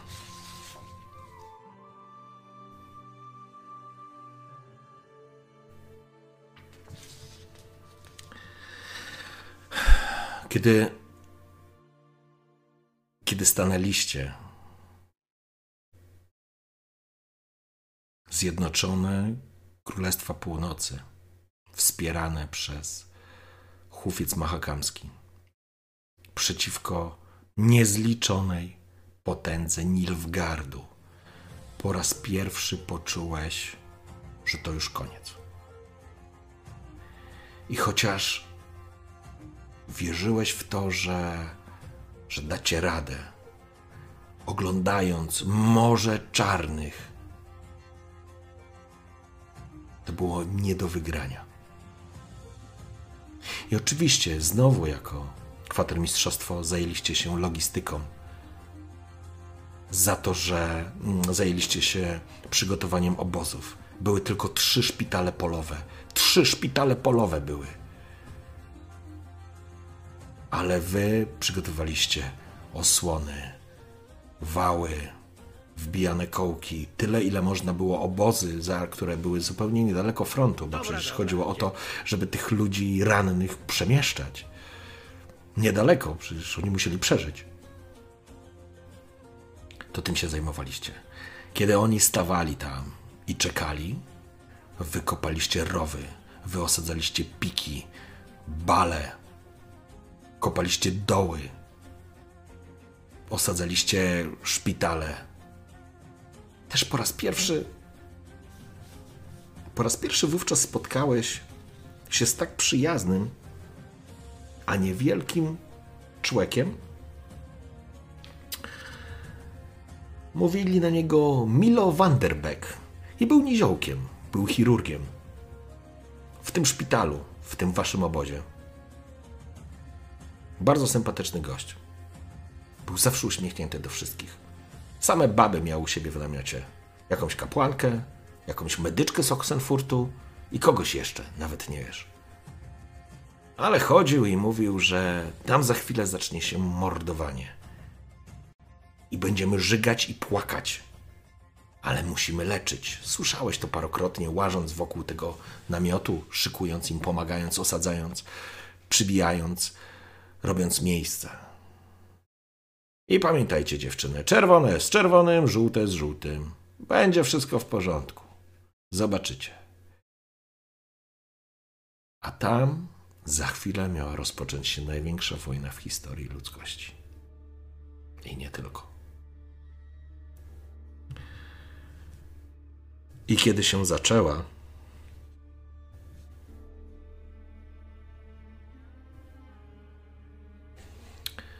kiedy się zaczęła, to świat się skończył. Miałeś wrażenie, że kiedy Nilfgaard ruszył, ich konnica ruszyła, tysiące końskich kopyt ryło ziemię. To miałeś wrażenie, jakby drgała ziemia tam, gdzie ty stoisz. A kiedy zderzyli się i poszli na całość, jedni i drudzy, to wizg koni, wrzask ludzi, szczęk broni, płyt uderzających broni, uderzających o płyty, o tarcze, o pancerze, o pawęże. Masz wrażenie, miałeś wrażenie, że to było obok was. I to, co słyszałeś przy Majenie, zrobiło na tobie wrażenie. Miałeś wrażenie, że po Majenie jesteś gotowy, kurwa, tolera na wszystko. Ty już Poczułeś krew, poczułeś strach. Zatłukłeś elfa. Ale. Ale nie byłeś gotowy na to, co było w przybrennie. Nikt nie był gotowy. A tam. Tam było morze krwi. I po chwili, kiedy zaczęliście ruszać i dowozić rannych, Cały szpital był skąpany we krwi, a wy wieźliście i kolejnych, i kolejnych, i miałeś okazję widzieć mahakamski chów, potężny, składający się z czterech tysięcy krasnoludów, czworobok, jak żółw, stojący, a wśród, w, w nim, w środku, redańska jakaś piechota i inni żołnierze, ale jak mur, jak żywy mur. I to niosące się ponad całym polem bitwy. Hu, hu, czekajcie klienty. I wrzask, i krzyk, i wizg, ale to, co ich atakowało, to fala czerni, czarnych pancerzy, kropierzy, płaszczy, chorągwi. Trudno było to oglądać. I kiedy w pewnym momencie była taka, bo, dla ciebie to taka poklatkowa, wiesz, pojawił się taki tunel życia. Po prostu rannych przerzucano za linię frontu i tam po prostu wy przyjeżdżaliście, zatrzymywaliście się wozami, ładowaliście. Wielokrotnie podnosiłeś rycerza i wypadały, wylewał się ten rycerz. Blachy były pogięte, to były zmasakrowane ciała. Na początku łapałeś Tolera ich wszystkich żeby uratować. później widziałeś już zmiażdżony hełm, nie rusza się, nie ma żadnych tych. Byli jacyś medycy, którzy wskazywali, którzy dokonywali prostej selekcji, a ty byłeś na wyciągnięcie ręki, powiedziałbyś na wyciągnięcie strzału od na odległość strzału od frontu, a tam był niekończący się wrzask, wisk, walenie metalu o metal. Chodziłeś jak naćpany, jak w amoku, jakby, jakbyś, jakbyś w ogóle tam nie był ciałem. Jesteś krasnoludem, przeżyłeś Majenę, jesteś członkiem chówcu. Twój ojciec umarł ci na rękach, ale nie byłeś gotowy, Tolera, na tamto, co widziałeś. Wrzask, krzyk, tony ciał. I jeździliście. Nie wiesz, ile takich kursów zrobiłeś. Przestałeś liczyć po dziesiątym. Ale słyszałeś tylko Milo Vanderbecka. Tutaj, proszę troszeczkę, zatamuj to krwawienie. Trochę magii potrzebuję, trochę magii potrzebuję. Nie tak, dziewczyno. Tutaj przyklej. Nie to. Co ty trzymasz? Co ty wyciągnęłaś mu? No daj spokój. I po prostu żołnierze z rannymi w jedną, w drugą, w jedną, w drugą. Później już ludzie szli, niosąc swoich oficerów, nie czekając na transport. Ale był taki jeden moment w całej bitwie, kiedy jechaliście z rannymi na wozie i widziałeś sytuację, coś, co po prostu aż zatrzymałeś ten wóz, bo to było niemożliwe.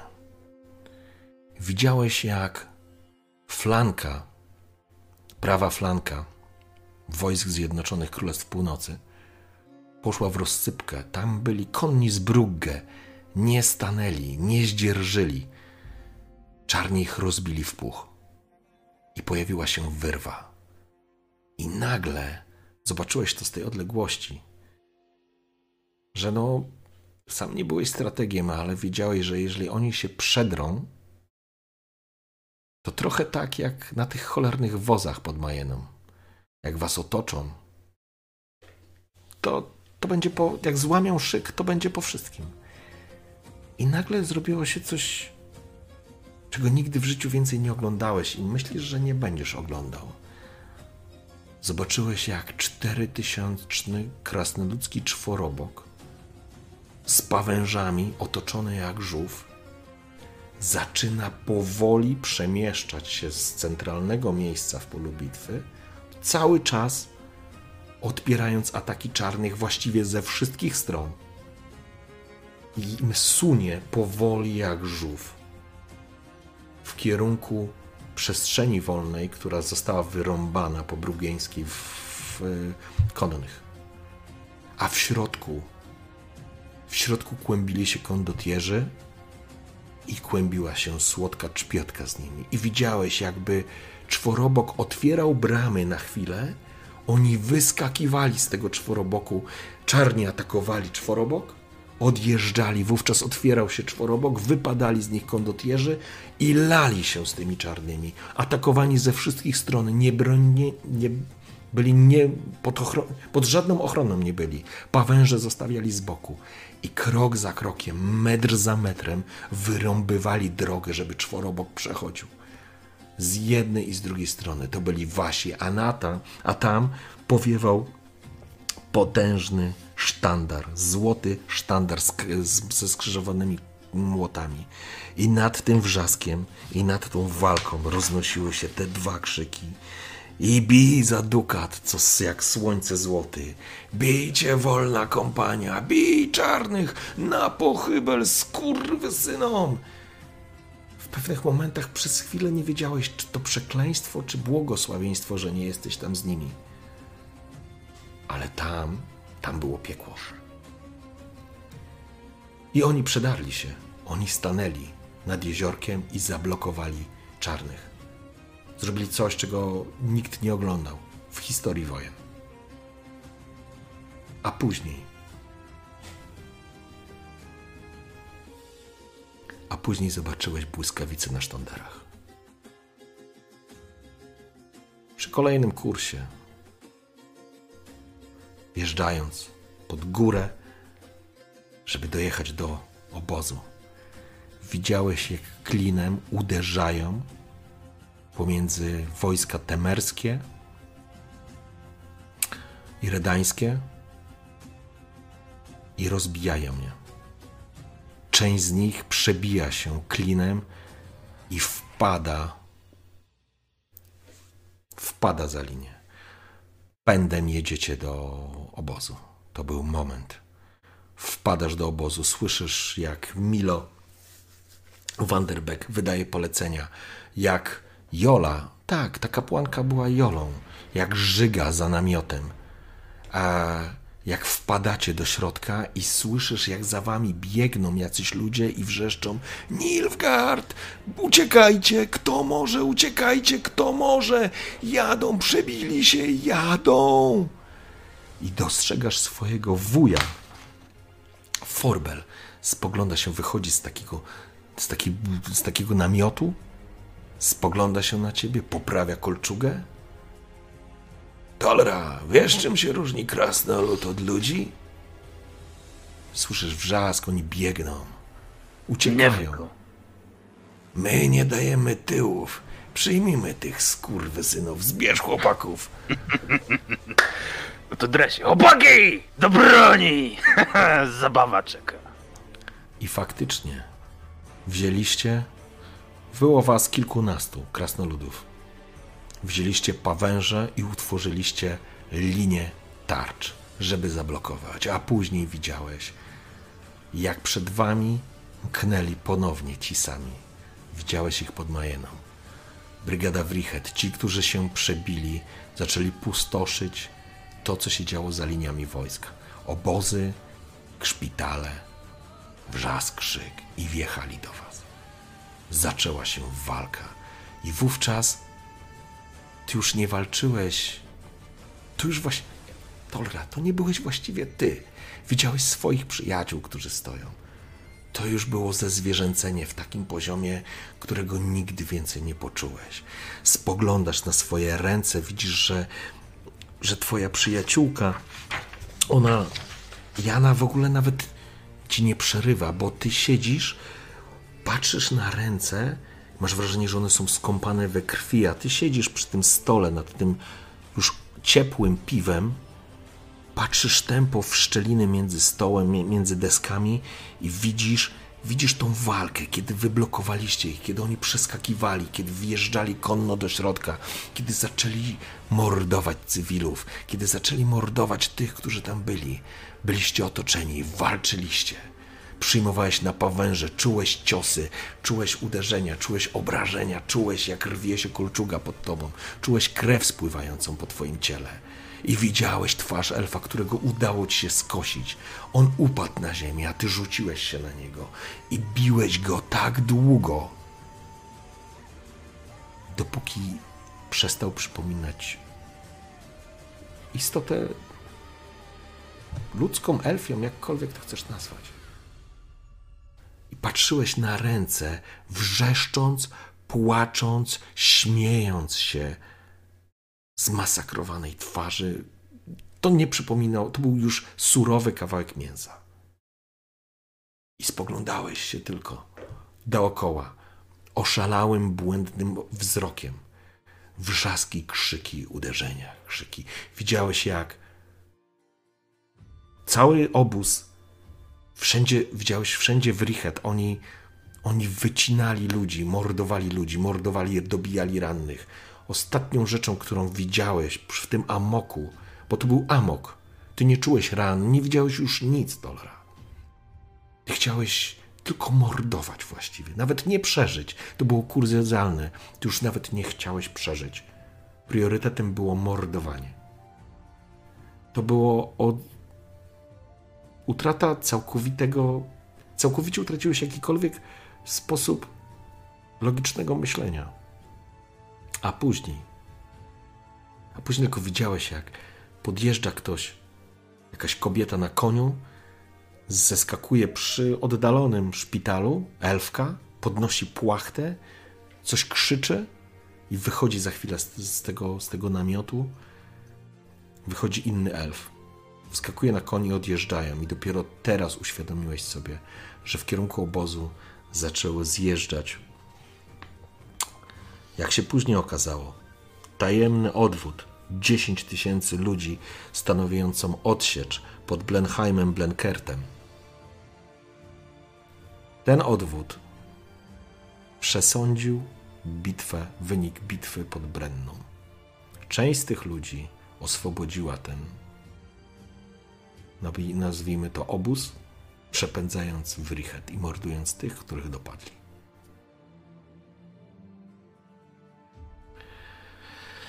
Kiedy dobiegłeś, kiedy jakby odzyskałeś jakąkolwiek świadomość, nie wiesz ile to trwało, ale zobaczyłeś coś, co spowodowało, że jakby orzeźwiłeś, otrzeźwiałeś, odzyskałeś mowę, odzyskałeś jakiś taki swój sposób. No, przestałeś być zwierzęciem, ponieważ zobaczyłeś, że na ziemi leży forbel, rozciągnięty przy namiocie. Wuja! Lecę do niego. Wuja, wszystko dobrze? Podbiegasz do niego, widzisz, że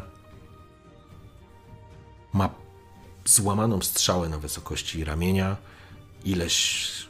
Tak właściwie jest skąpany we krwi. Spogląda na ciebie, uśmiecha się. Daliśmy radę, Tolrap. Da, daliśmy radę, wuja, daliśmy. Ach, synek, synek. Chyba to już koniec. No co ty, wuja, dawaj, zaraz będziesz na nogach stał. Może tak. Koniec. Może tak, Dolora, może nie. Wiesz, synek, nigdy nie miałem swoich dzieci.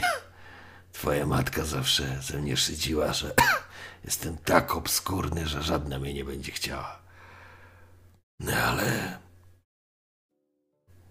Ty straciłeś ojca i przez chwilę poczułem, jakby tu mieć własnego syna. Słuchaj, Dolora, czas na mnie. Spotkam się z twym staruszkiem.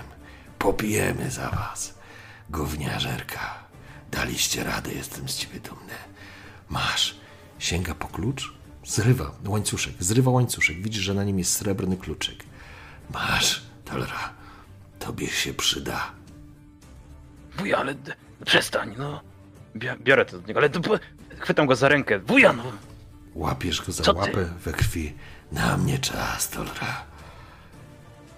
Jest kobieta. Jana się nazywa. Ufaj jej we wszystkim. To dobra baba, choć człowiek. Znajdziesz skrytkę, otwórz ją. Wszystko będziesz wiedział. Zacznij życie, synek. Klepie cię w pysk swoją okrwawioną łapą. Wuja, no. Wystartujesz dobrze. Chciałbym, żebyś to zrobił. Zrób to dla mnie, synek. Klepie cię w pysk. Dobra, wuja, zrobię. Zrobię, znajdę skrytkę, znajdę Janę. Wszystko będzie dobrze, zobacz. Medyk! Medyk! Wrzeszczysz, widzisz, że kiedy wpadli tamci, po chwili ktoś podbiegł. Chyba taka płanka. Zaczyna coś wołać. Milo, Milo, tutaj, Milo! Widzisz, roztrzęsiony. Oni są roztrzęsieni. Nie wiesz czemu, ale w środku był ten elf. Najważniejsze, że oni żyją, chociaż to już teraz nieistotne. Widzisz i znowu jakby w którymś miejscu zawisłeś. Ciepłe piwo smakuje podle, ale wypiłeś je. Wypiłeś je, bo. Niech Forbel chleje z twoim ojcem, bo jemu się już nie udało. I teraz spoglądasz na Janę, która siedzi naprzeciwko ciebie i ona daje ci absolutnie czas na to, żebyś, żebyś to przeżył. Sam ze sobą, żebyś. Bo ona wie, gdzie jesteś, albo wydaje jej się, gdzie, że wie. Forbelowi się nie udało. Nie przeżył ataku Freehead na wasz obóz. Na szczęście przetrwali medycy, co było ważne. I faktycznie tajemny odwód pod redańskim przywództwem faktycznie przeważył szale. Byłeś pod Brenną, widziałeś, co się tam działo. Nie, nie stałeś w pierwszej linii, ale, ale broniłeś obozu. Najważniejsze, że trzech twoich kamratów przeżyło też. Później, jak się okazało, wujo zadbał o ciebie. W skrytce znalazłeś całkiem pokaźny mieszek z nowigradzkich koron, ale ważniejszą rzeczą, jak się później okazało dla ciebie, był temat, co później się wyjaśniło, zaginionego transportu narzędzi i materiałów budowlanych, który z nieznanych powodów zaginął. Jak się później okazało, nie do końca z nieznanych, a wujaszek potrafił robić interesy również na boku, wiedząc albo przewidując to, co napisała dla was historia po zakończonej bitwie. Dla was, Torra, dla nieludzi, dla krasnoludów. Kiedy siedzisz i zaciskasz ze złości zęby, bo uśmiechasz się, przez chwilę uśmiechnąłeś się do, do Jany, jakby dając jej znać, że jesteś w tym momencie, kiedy. o którym zaczęła mówić, o tym lesie, pamiętasz? Ale zanim ten las, Tolra, jeszcze wróćmy do wielkiej defilady zwycięzców w Nowigradzie. Ale wy nie byliście bohaterami tej defilady, a wielu z was padło. Wykazaliście się męstwem olbrzymim.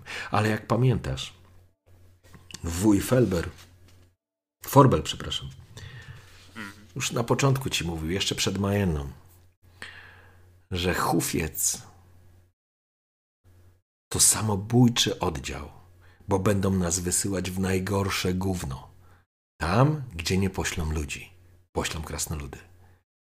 I widziałeś Majennę, widziałeś Maribor, widziałeś Brennę. To, co zrobił Hufiec,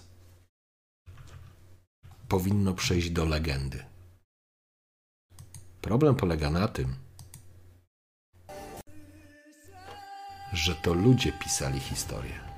I kiedy defilowaliście w Nowigradzie przed honorową lożą, w której zasiadali najwięksi ówczesnego świata królowie Temeri Foltest, Henselt z Kedwen, Demawent z Edirn, królowa Hedwiga z Redanii ze swoim małoletnim synem i przyszłym królem Radowidem, gdzie hierarcha Nowigradu witał zwycięzców, gdzie w tle był kapłan Wilemer z Rady Królewskiej Foltesta, gdzie był gruby, łysy człowiek, który Doszło do ciebie, słyszałeś. Mówili na niego Dijkstra. I była tam też czarodziejka. Filipa Eilhart. Tak, też jedna z legend. I pamiętasz, kiedy przeszli najpierw kondotierzy, kiedy oni byli przed wami, wy, jakby te wasze dwie ekipy się uzupełniały i miałeś okazję później słyszeć też pobrennie jak słodka trzpiotka mówiła, że jeżeli na bitwę, to tylko z tym małym, bitnym ludkiem, bo oni robią rzeczy, o których innym się nie śniło. I chlali krasnoludy z chówcu z kondotierami. I to był braterski układ. Faktycznie, bo przelewaliście wspólnie krew w taki sposób, o którym naprawdę powinni pisać ballady. Ale pamiętasz tą sytuację, kiedy Kondotierzy poszli pierwsi. Oczywiście wśród przywódców kondotierów zabrakło jednego z nich. On zginął. Zginął Frontino. Juan Frontino. Mówiono na niego Frontino. Oni po prostu poszli w pięknie już, że tak powiem, wyczyszczeni, uzbrojeni, dumnie przeszli. Później szedł hufiec mahakamski. Z przodu szedł Barclay, Barclay Els i pozostali oficerowie, czyli Denis Cranmer, Sheldon Skaggs, Chiway Zoltan i Jarpen Zirgrim.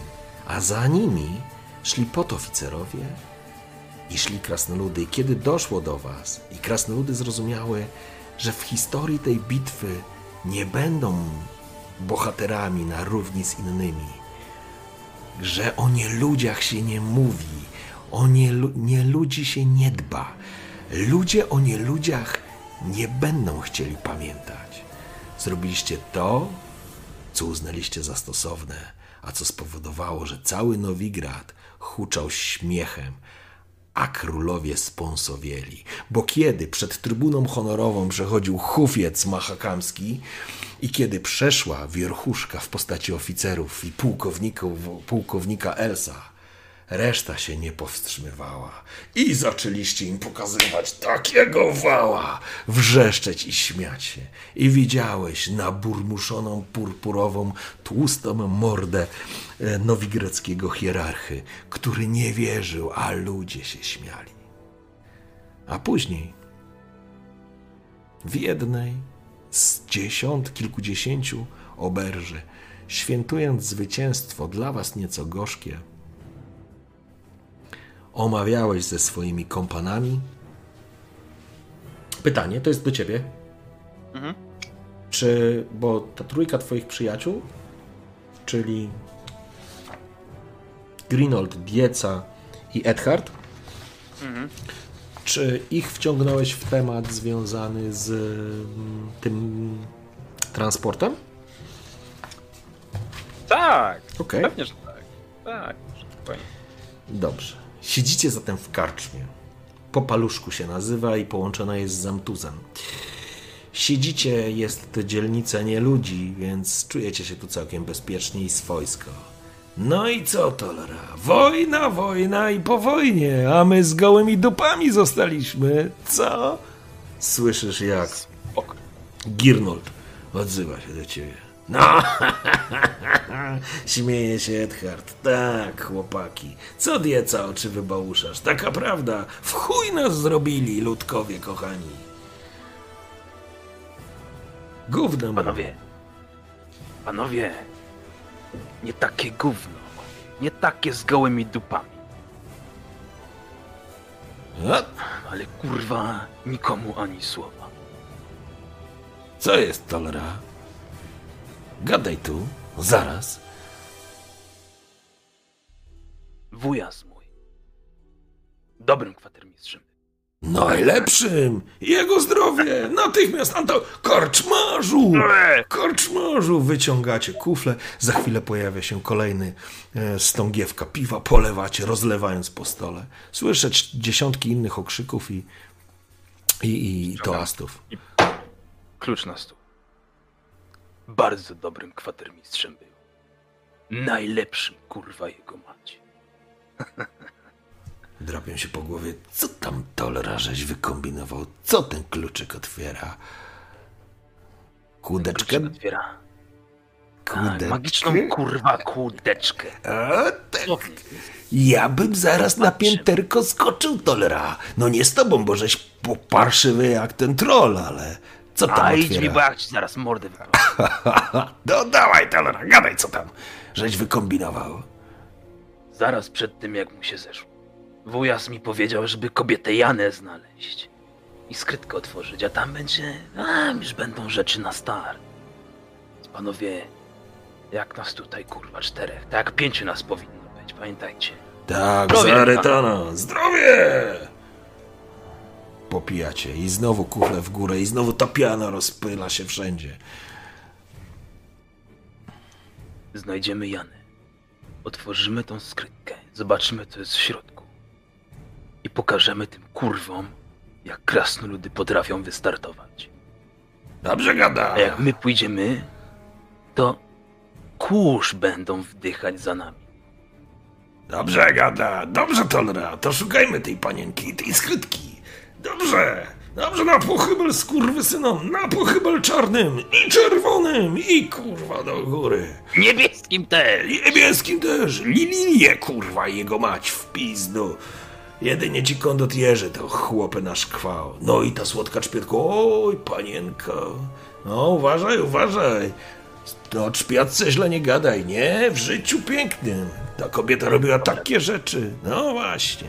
No i tak sobie pochlaliście wtedy.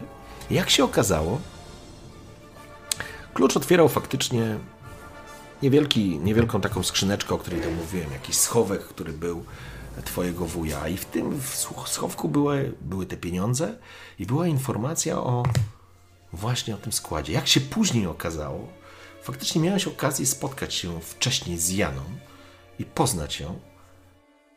Ta informacja była prosta. Wy mieliście, ona ci powiedziała, kiedy wymieniliście się informacjami, w sensie, że twój wuj nie żyje i jakby ty wiesz o tym, miało dojść do wymiany.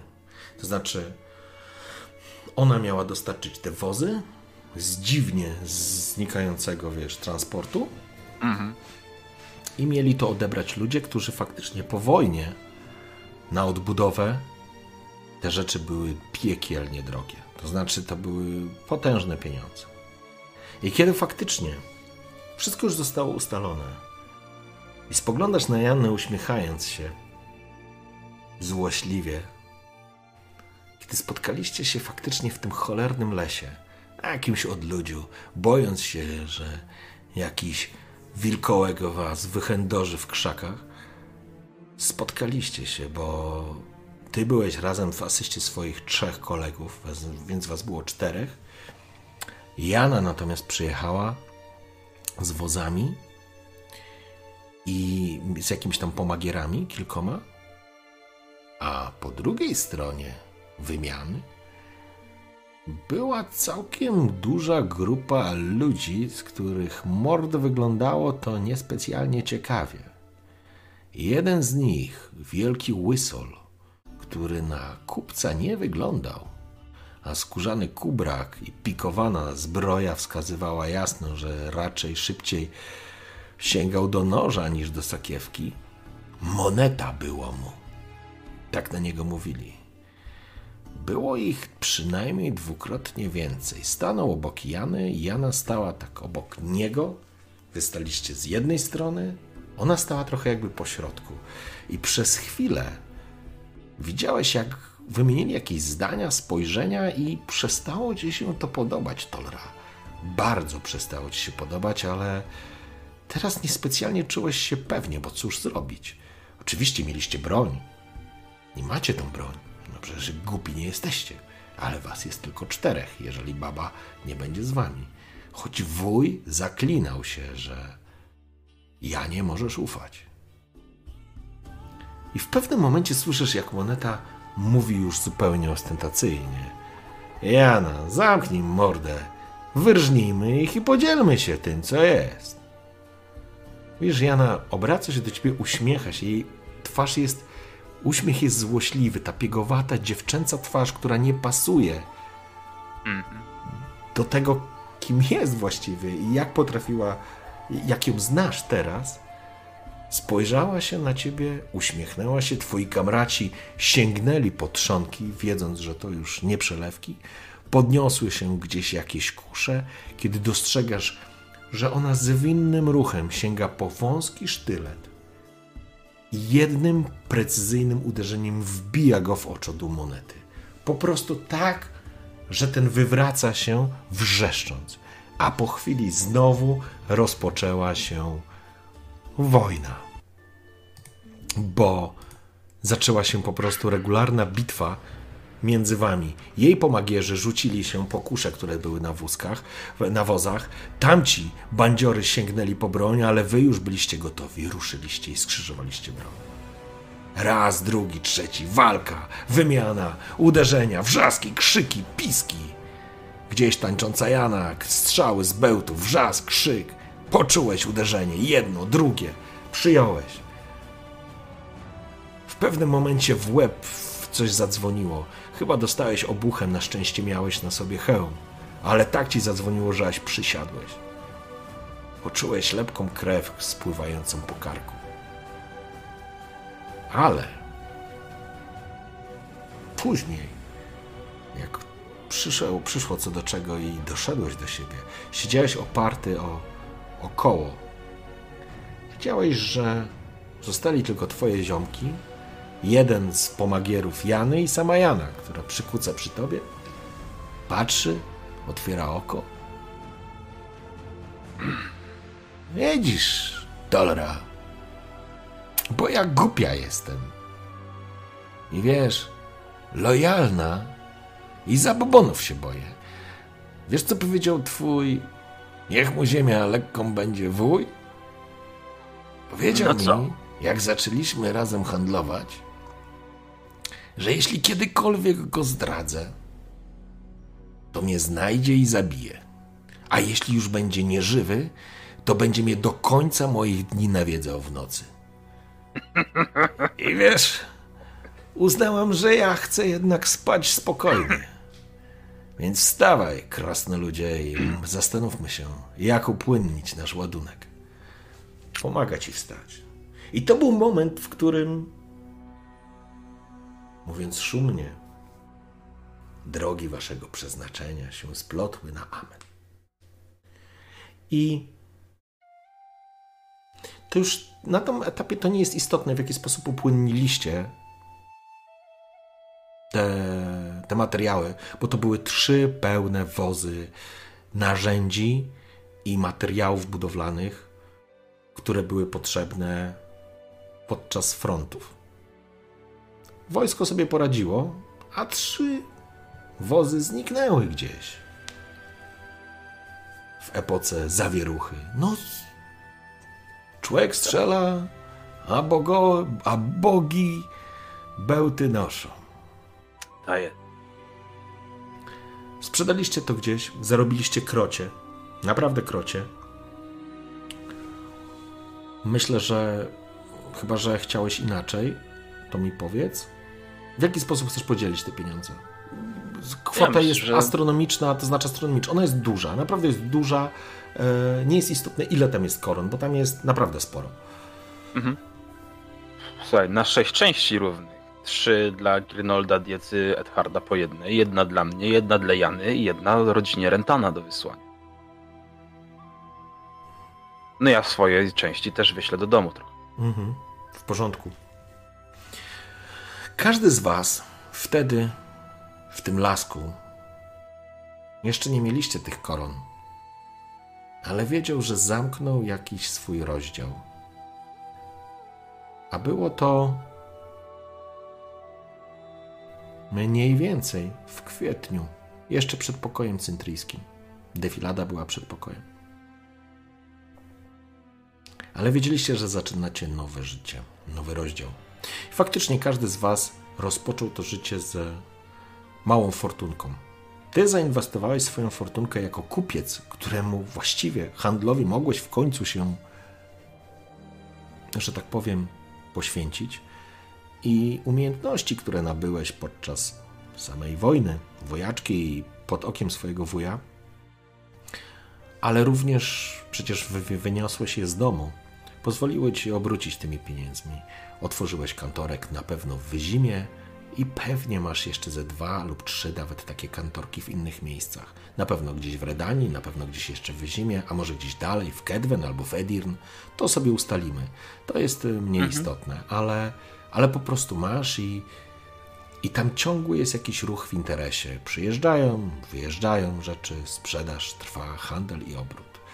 Wtedy uważałeś, że że jakby tak potoczy się twoje życie w gruncie rzeczy, Tolra.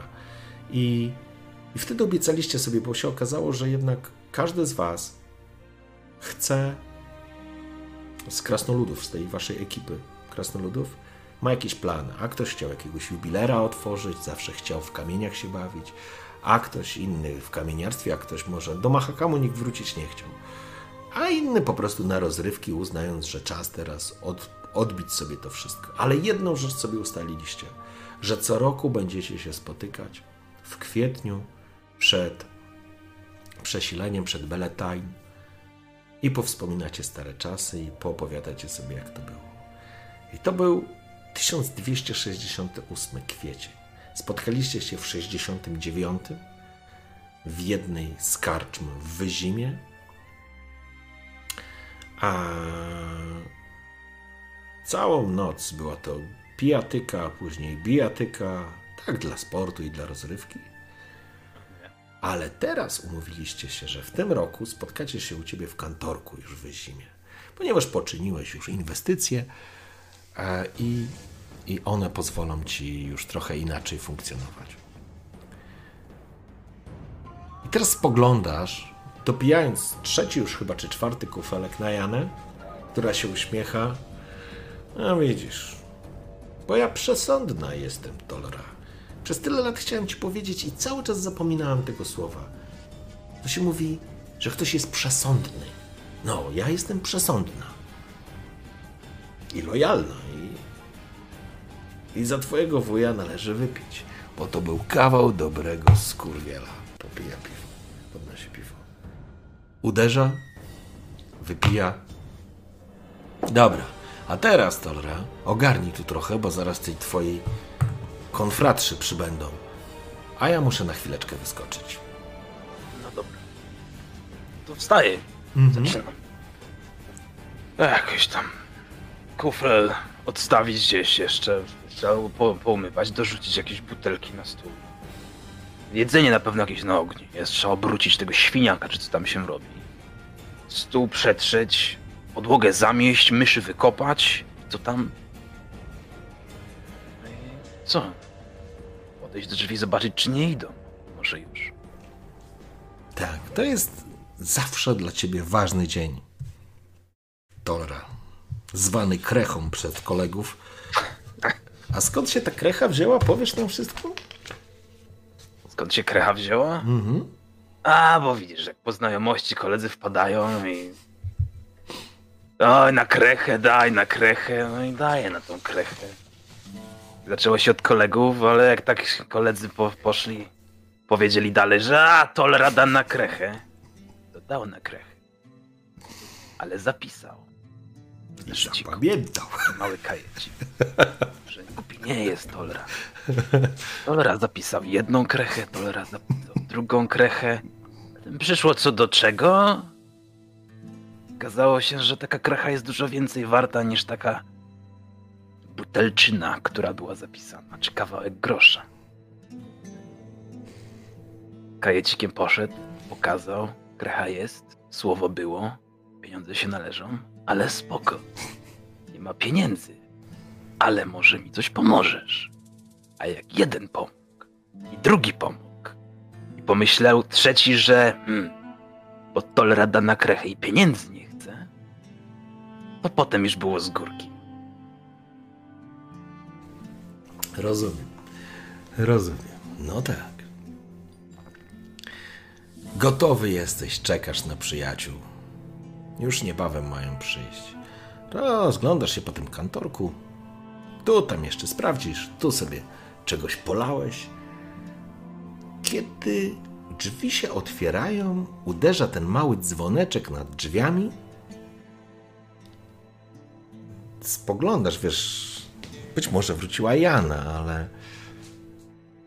Ale kroki są zbyt ciężkie. No, obracam się. Obracasz się, jest jasno, więc promienie słońca i światła wpadają do środka, i w nich stoi postać mężczyzny, kawał chłopa. Tak, zdecydowanie jest to mężczyzna, i widzisz przy pasie jakiś krótki miecz, jakiś żołdak. Zresztą nosi się jak żołdak.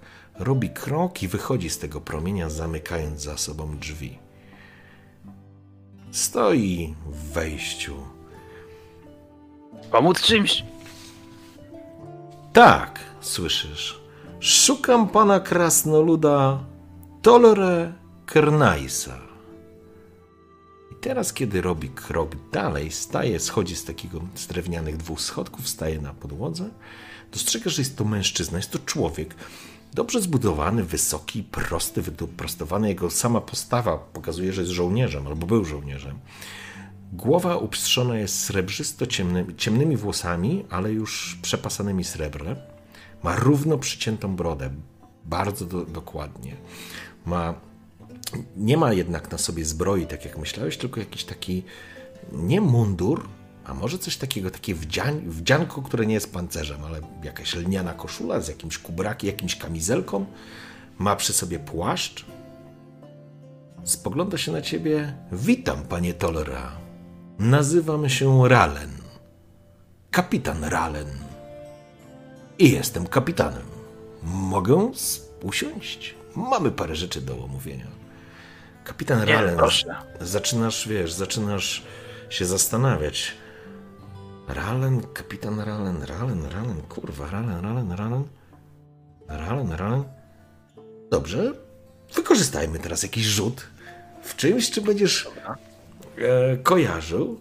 E, powiedz mi, no na pewno będziemy e, rzucać za.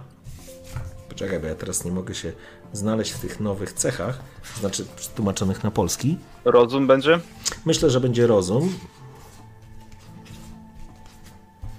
Rozum i powiedz, czy masz jakieś umiejki, które mogłyby ci pomóc? Interesy.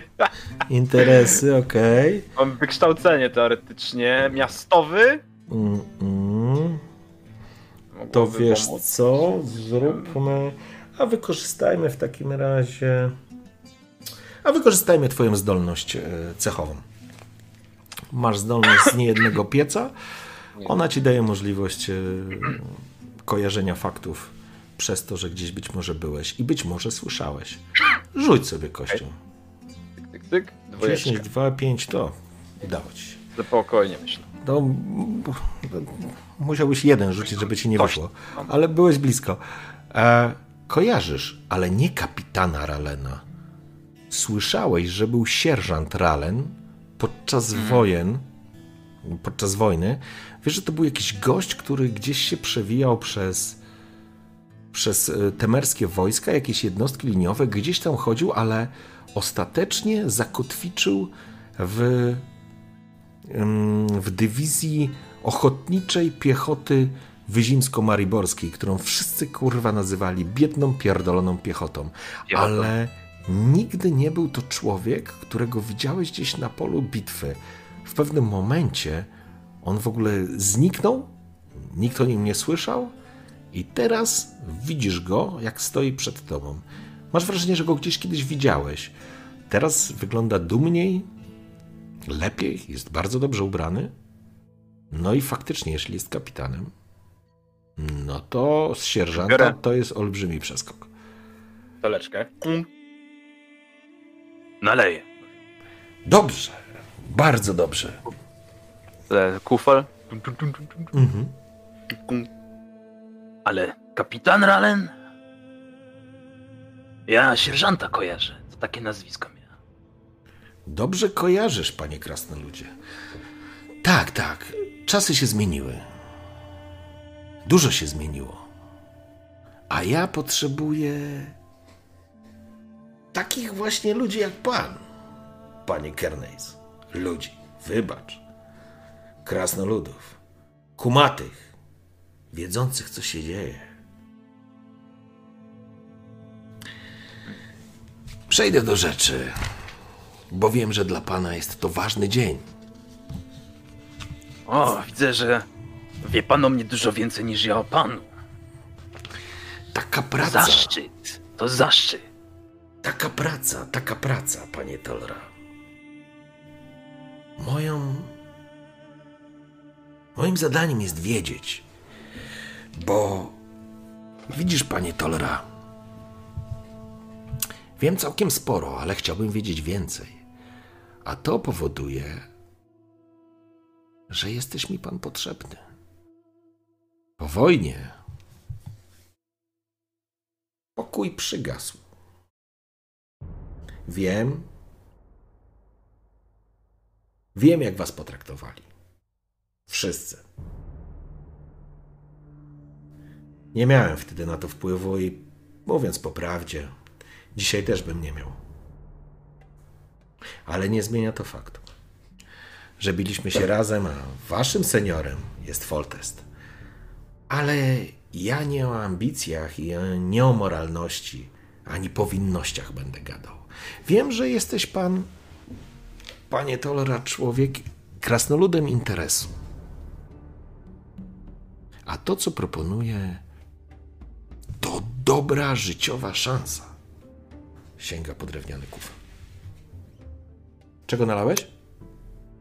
Y, Mahakamskiego truniaka. Okej, popija. Mm. wyborne.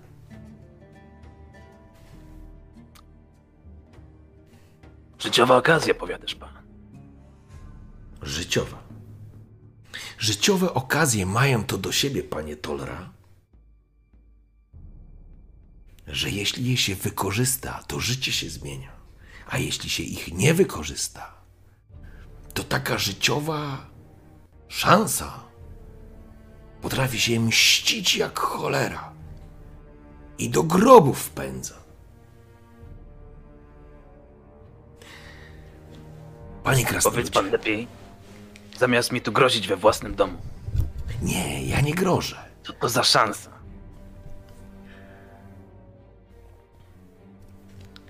Po wojnie wszystko się popierdoliło, mówiąc po naszemu, panie Tolera. I nie ubierając, nie dobierając dyplomatycznych słów, bo to nie Cintra, bo to my karku nadstawialiśmy. Ale budujemy nową oddział, nową jednostkę wywiadu, służb specjalnych, temerskich, i potrzebuje ludzi, którzy będą tworzyć siatkę dla nas. Sprawdzonych ludzi, ludzi, którym można zaufać. Wybacz, to przyzwyczajenie. Nie mam problemu z tym, czy ktoś jest ludziem, czy nie ludziem. Ale takich nie ludzi jak pan, panie Tolera, bardzo byśmy potrzebowali. Zeruje kufel. Widzisz pan. Cały problem z tymi życiowymi okazjami to jest to, że jak jedna się przydarzy i wydaje się, że życiowa, zaraz potem pojawia się druga i trzecia. I zawsze ktoś przy tym traci życie. Tak się zastanawiam, za mało trupów dookoła. I póki tak zostanie, to ja się zgodzę. Bardzo dobrze, panie krasnoludzie, bo ja ze swej strony, żeby budować poczucie wspólnej sprawy i poczucie przyjaźni, dorzucę pewną gwarancję. No, w wywiadzie to gra o wysokie stawki. A jak o wysokie stawki, panie Tolra, to i ryzyko jest. Mówię uczciwie, ale jedną gwarancję dać mogę. Jeśli się pan zgodzisz, to poza intratną życiową szansą dorzucę gwarancję, że cały świat, tak jak do tej pory, nie będzie wiedział ani pamiętał historii zaginionych transportów, narzędzi i materiałów. Nikt o tym w życiu nie zapyta, ale to proszę potraktować jako gwarancję i akt dobrej woli z mojej strony. Nie oczekuję odpowiedzi, panie Tolra, teraz, ale za dwa tygodnie widzimy się na Hołdborgu, jeśli pan przyjmiesz. Panie kapitanie, podejrzewam, że nie muszę odpowiadać. Widzimy się za dwa tygodnie. Wyciąga rękę. Ciągam łapę. Jestem skurwysynem, Tolra, ale w tym zawodzie takim trzeba być. Otaczać się innymi skurwysynami. samych do siebie. Uśmiecha się. Widzimy się na Hotborgu, a teraz nie przeszkadzam. Niedługo będziesz pan miał gości, panie Tora. Wstaje, dopija trójniak wyśmienity. Obraca się, Na zdrowie. podnosi rękę i wychodzi. I kiedy zamyka drzwi i w promieniach, pojedynczych promieniach takich rozmazanych, światła przebijającego się przez błony okienne, widzisz kurz, który maluje jakieś niesamowite wzory, słyszysz w uliczce, która prowadzi do twojego kantorka wrzaski niespotykane, ale tobie wyśmienicie znane. Hu, hu, czekajcie, klienty, wnet wam pójdzie w pięty, rozleci się ten burdel aż po fundamenty. Hu, hu, hu. I drzwi z wrzaskiem otwierają się do środka.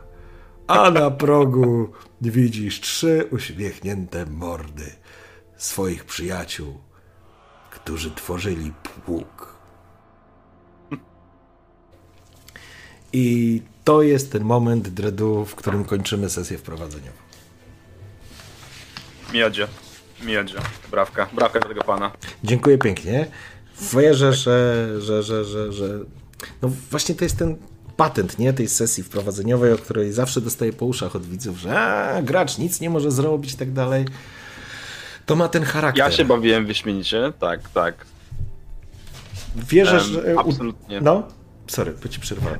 Nie, znaczy, bo ja wiesz, tak będziemy się teraz przerywać, nie? Znaczy, ja generalnie chciałem spropsować tylko zanim cię, zanim cię widzowie, zanim ci widzowie powiedzą, że gracz nie ma nic do roboty. Ja miałem do roboty. Yy, napisałem część tej historii, drugą część z, z, interpretowałeś ty i ją opowiedziałeś, także generalnie jest, e, jest, to, jest to praca, którą gdzieś tam w tle zrobiliśmy oboje. Ty ją pięknie przedstawiłeś po prostu, wrzucając do tego parę rzutów i ubogacając o te elementy, które były potrzebne, także ja nie mam absolutnie nic do zarzucenia. Prostu. Bardzo się cieszę, bardzo się cieszę. Zależy mi na tym, żeby właśnie. Żebyś ty tych swoich kumpli faktycznie wiesz, widział, nie? I Janę, żebyś widział, i całą ekipę, żebyś widział. Będzie. Będzie dobrze. Będzie dobrze, dokładnie. Także, także super. Bardzo dziękuję Dredu. W ogóle jeszcze raz bardzo dziękuję, że się zdecydowałeś zagrać. I, i, i Przyjemność teraz- po mojej stronie. I teraz będziemy, będziemy działać. Plan gry jest taki, że sesja, sesje mają być co dwa tygodnie w czwartki i to jest też stały termin. Kolejna sesja ma być 18. Tam się pojawiła jakaś dodatkowa opcja, ale na razie o niej nie mówię. Jakby co do planu naszego podstawowego, Mhm. to, to, to jest ustalone, więc na pewno gramy w każdy czwartek, co drugi tydzień w czwartek, Tak w duecie z Drwalem, którego, e, do którego po prostu na sesję w kolejnej już się spotkamy na kolejnej sesji. No dobrze. Jakieś pytania, jeżeli ktoś ma, to dawajcie. Chyba, że ty coś byś jeszcze chciał do siebie dodać, powiedz Dredu. Sorry, bo ja tak Ja bym- już się... Ja bym roz- chciał coś jeszcze dodać. Ja bym chciał powiedzieć, że temu panowi należy się łapka w górę, także czy jesteście na Twitchu, czy jesteście na YouTubie, to zostawcie tutaj łapenkę w górę, tak? Zostawcie suba, walnijcie w dzwona i tak dalej. Dziękuję. Ale również wbijcie na onio, oni, on i gry. Tak, zawsze. Wiesz, że ja całkiem niedawno w ogóle skumałem ten onion. Słuchajcie, kurde, to jest naprawdę. To, nie, okej, to było już ze trzy miesiące temu, może za cztery, nie? Ale to była taka sytuacja, patrzę tak, ty onion, ty, co to za kolesie? Czemu oni kurwa onion? Czemu cebula? Ja w ogóle nie kumam tego, nie? Mówię, cebula, onion, a później patrzę, oni, on i gry, nie? Mówię, kurde. Dobrze. Okej. tak wyszło, nie? Dowcip musi być. Em, no tak. Tak. Bardzo wiele osób tak ma takie, o cholera chodzi tym. Ale nieważne. Wracając do sesji. Wracając do sesji. Czy ja pytań generalnie nie mam. To jest, to jest właśnie ten, ten, ten myk, że, że no ja absolutnie. Nie, no nie, po prostu ani mam nic do zarzucenia, ani do dodania, bo właściwie wszystko zostało powiedziane. Wszystko zostało rozegrane, tak? Powinno moim zdaniem być rozegrane. Tam, gdzie, tam, gdzie żeśmy mieli możliwość, em, że tak nazwę, wtrącenia mnie em, do narracji, to było to wykorzystane, podejrzewam. Em, no nie, nie, no nie, nie, Okej. nie mogę za dużo skomentować więcej, bo po prostu dla mnie wisienka na torcie i tyle. Dobra, w porządku, bardzo dziękuję. Grane będzie dzwonią. Będziemy, będzie, będzie grane, będzie się działo i, i fajnie. Dobrze, dziękuję wszystkim, którzy nas oglądali. Dziękuję wszystkim, którzy będą dopiero nas oglądali. I co? No i tak jak mówił właśnie Dredu, zapraszam. Wbijajcie do Oniona, łapki, tam te wszystkie rzeczy, które należy zrobić. No i co? Dziękuję Wam bardzo serdecznie i oby nam się.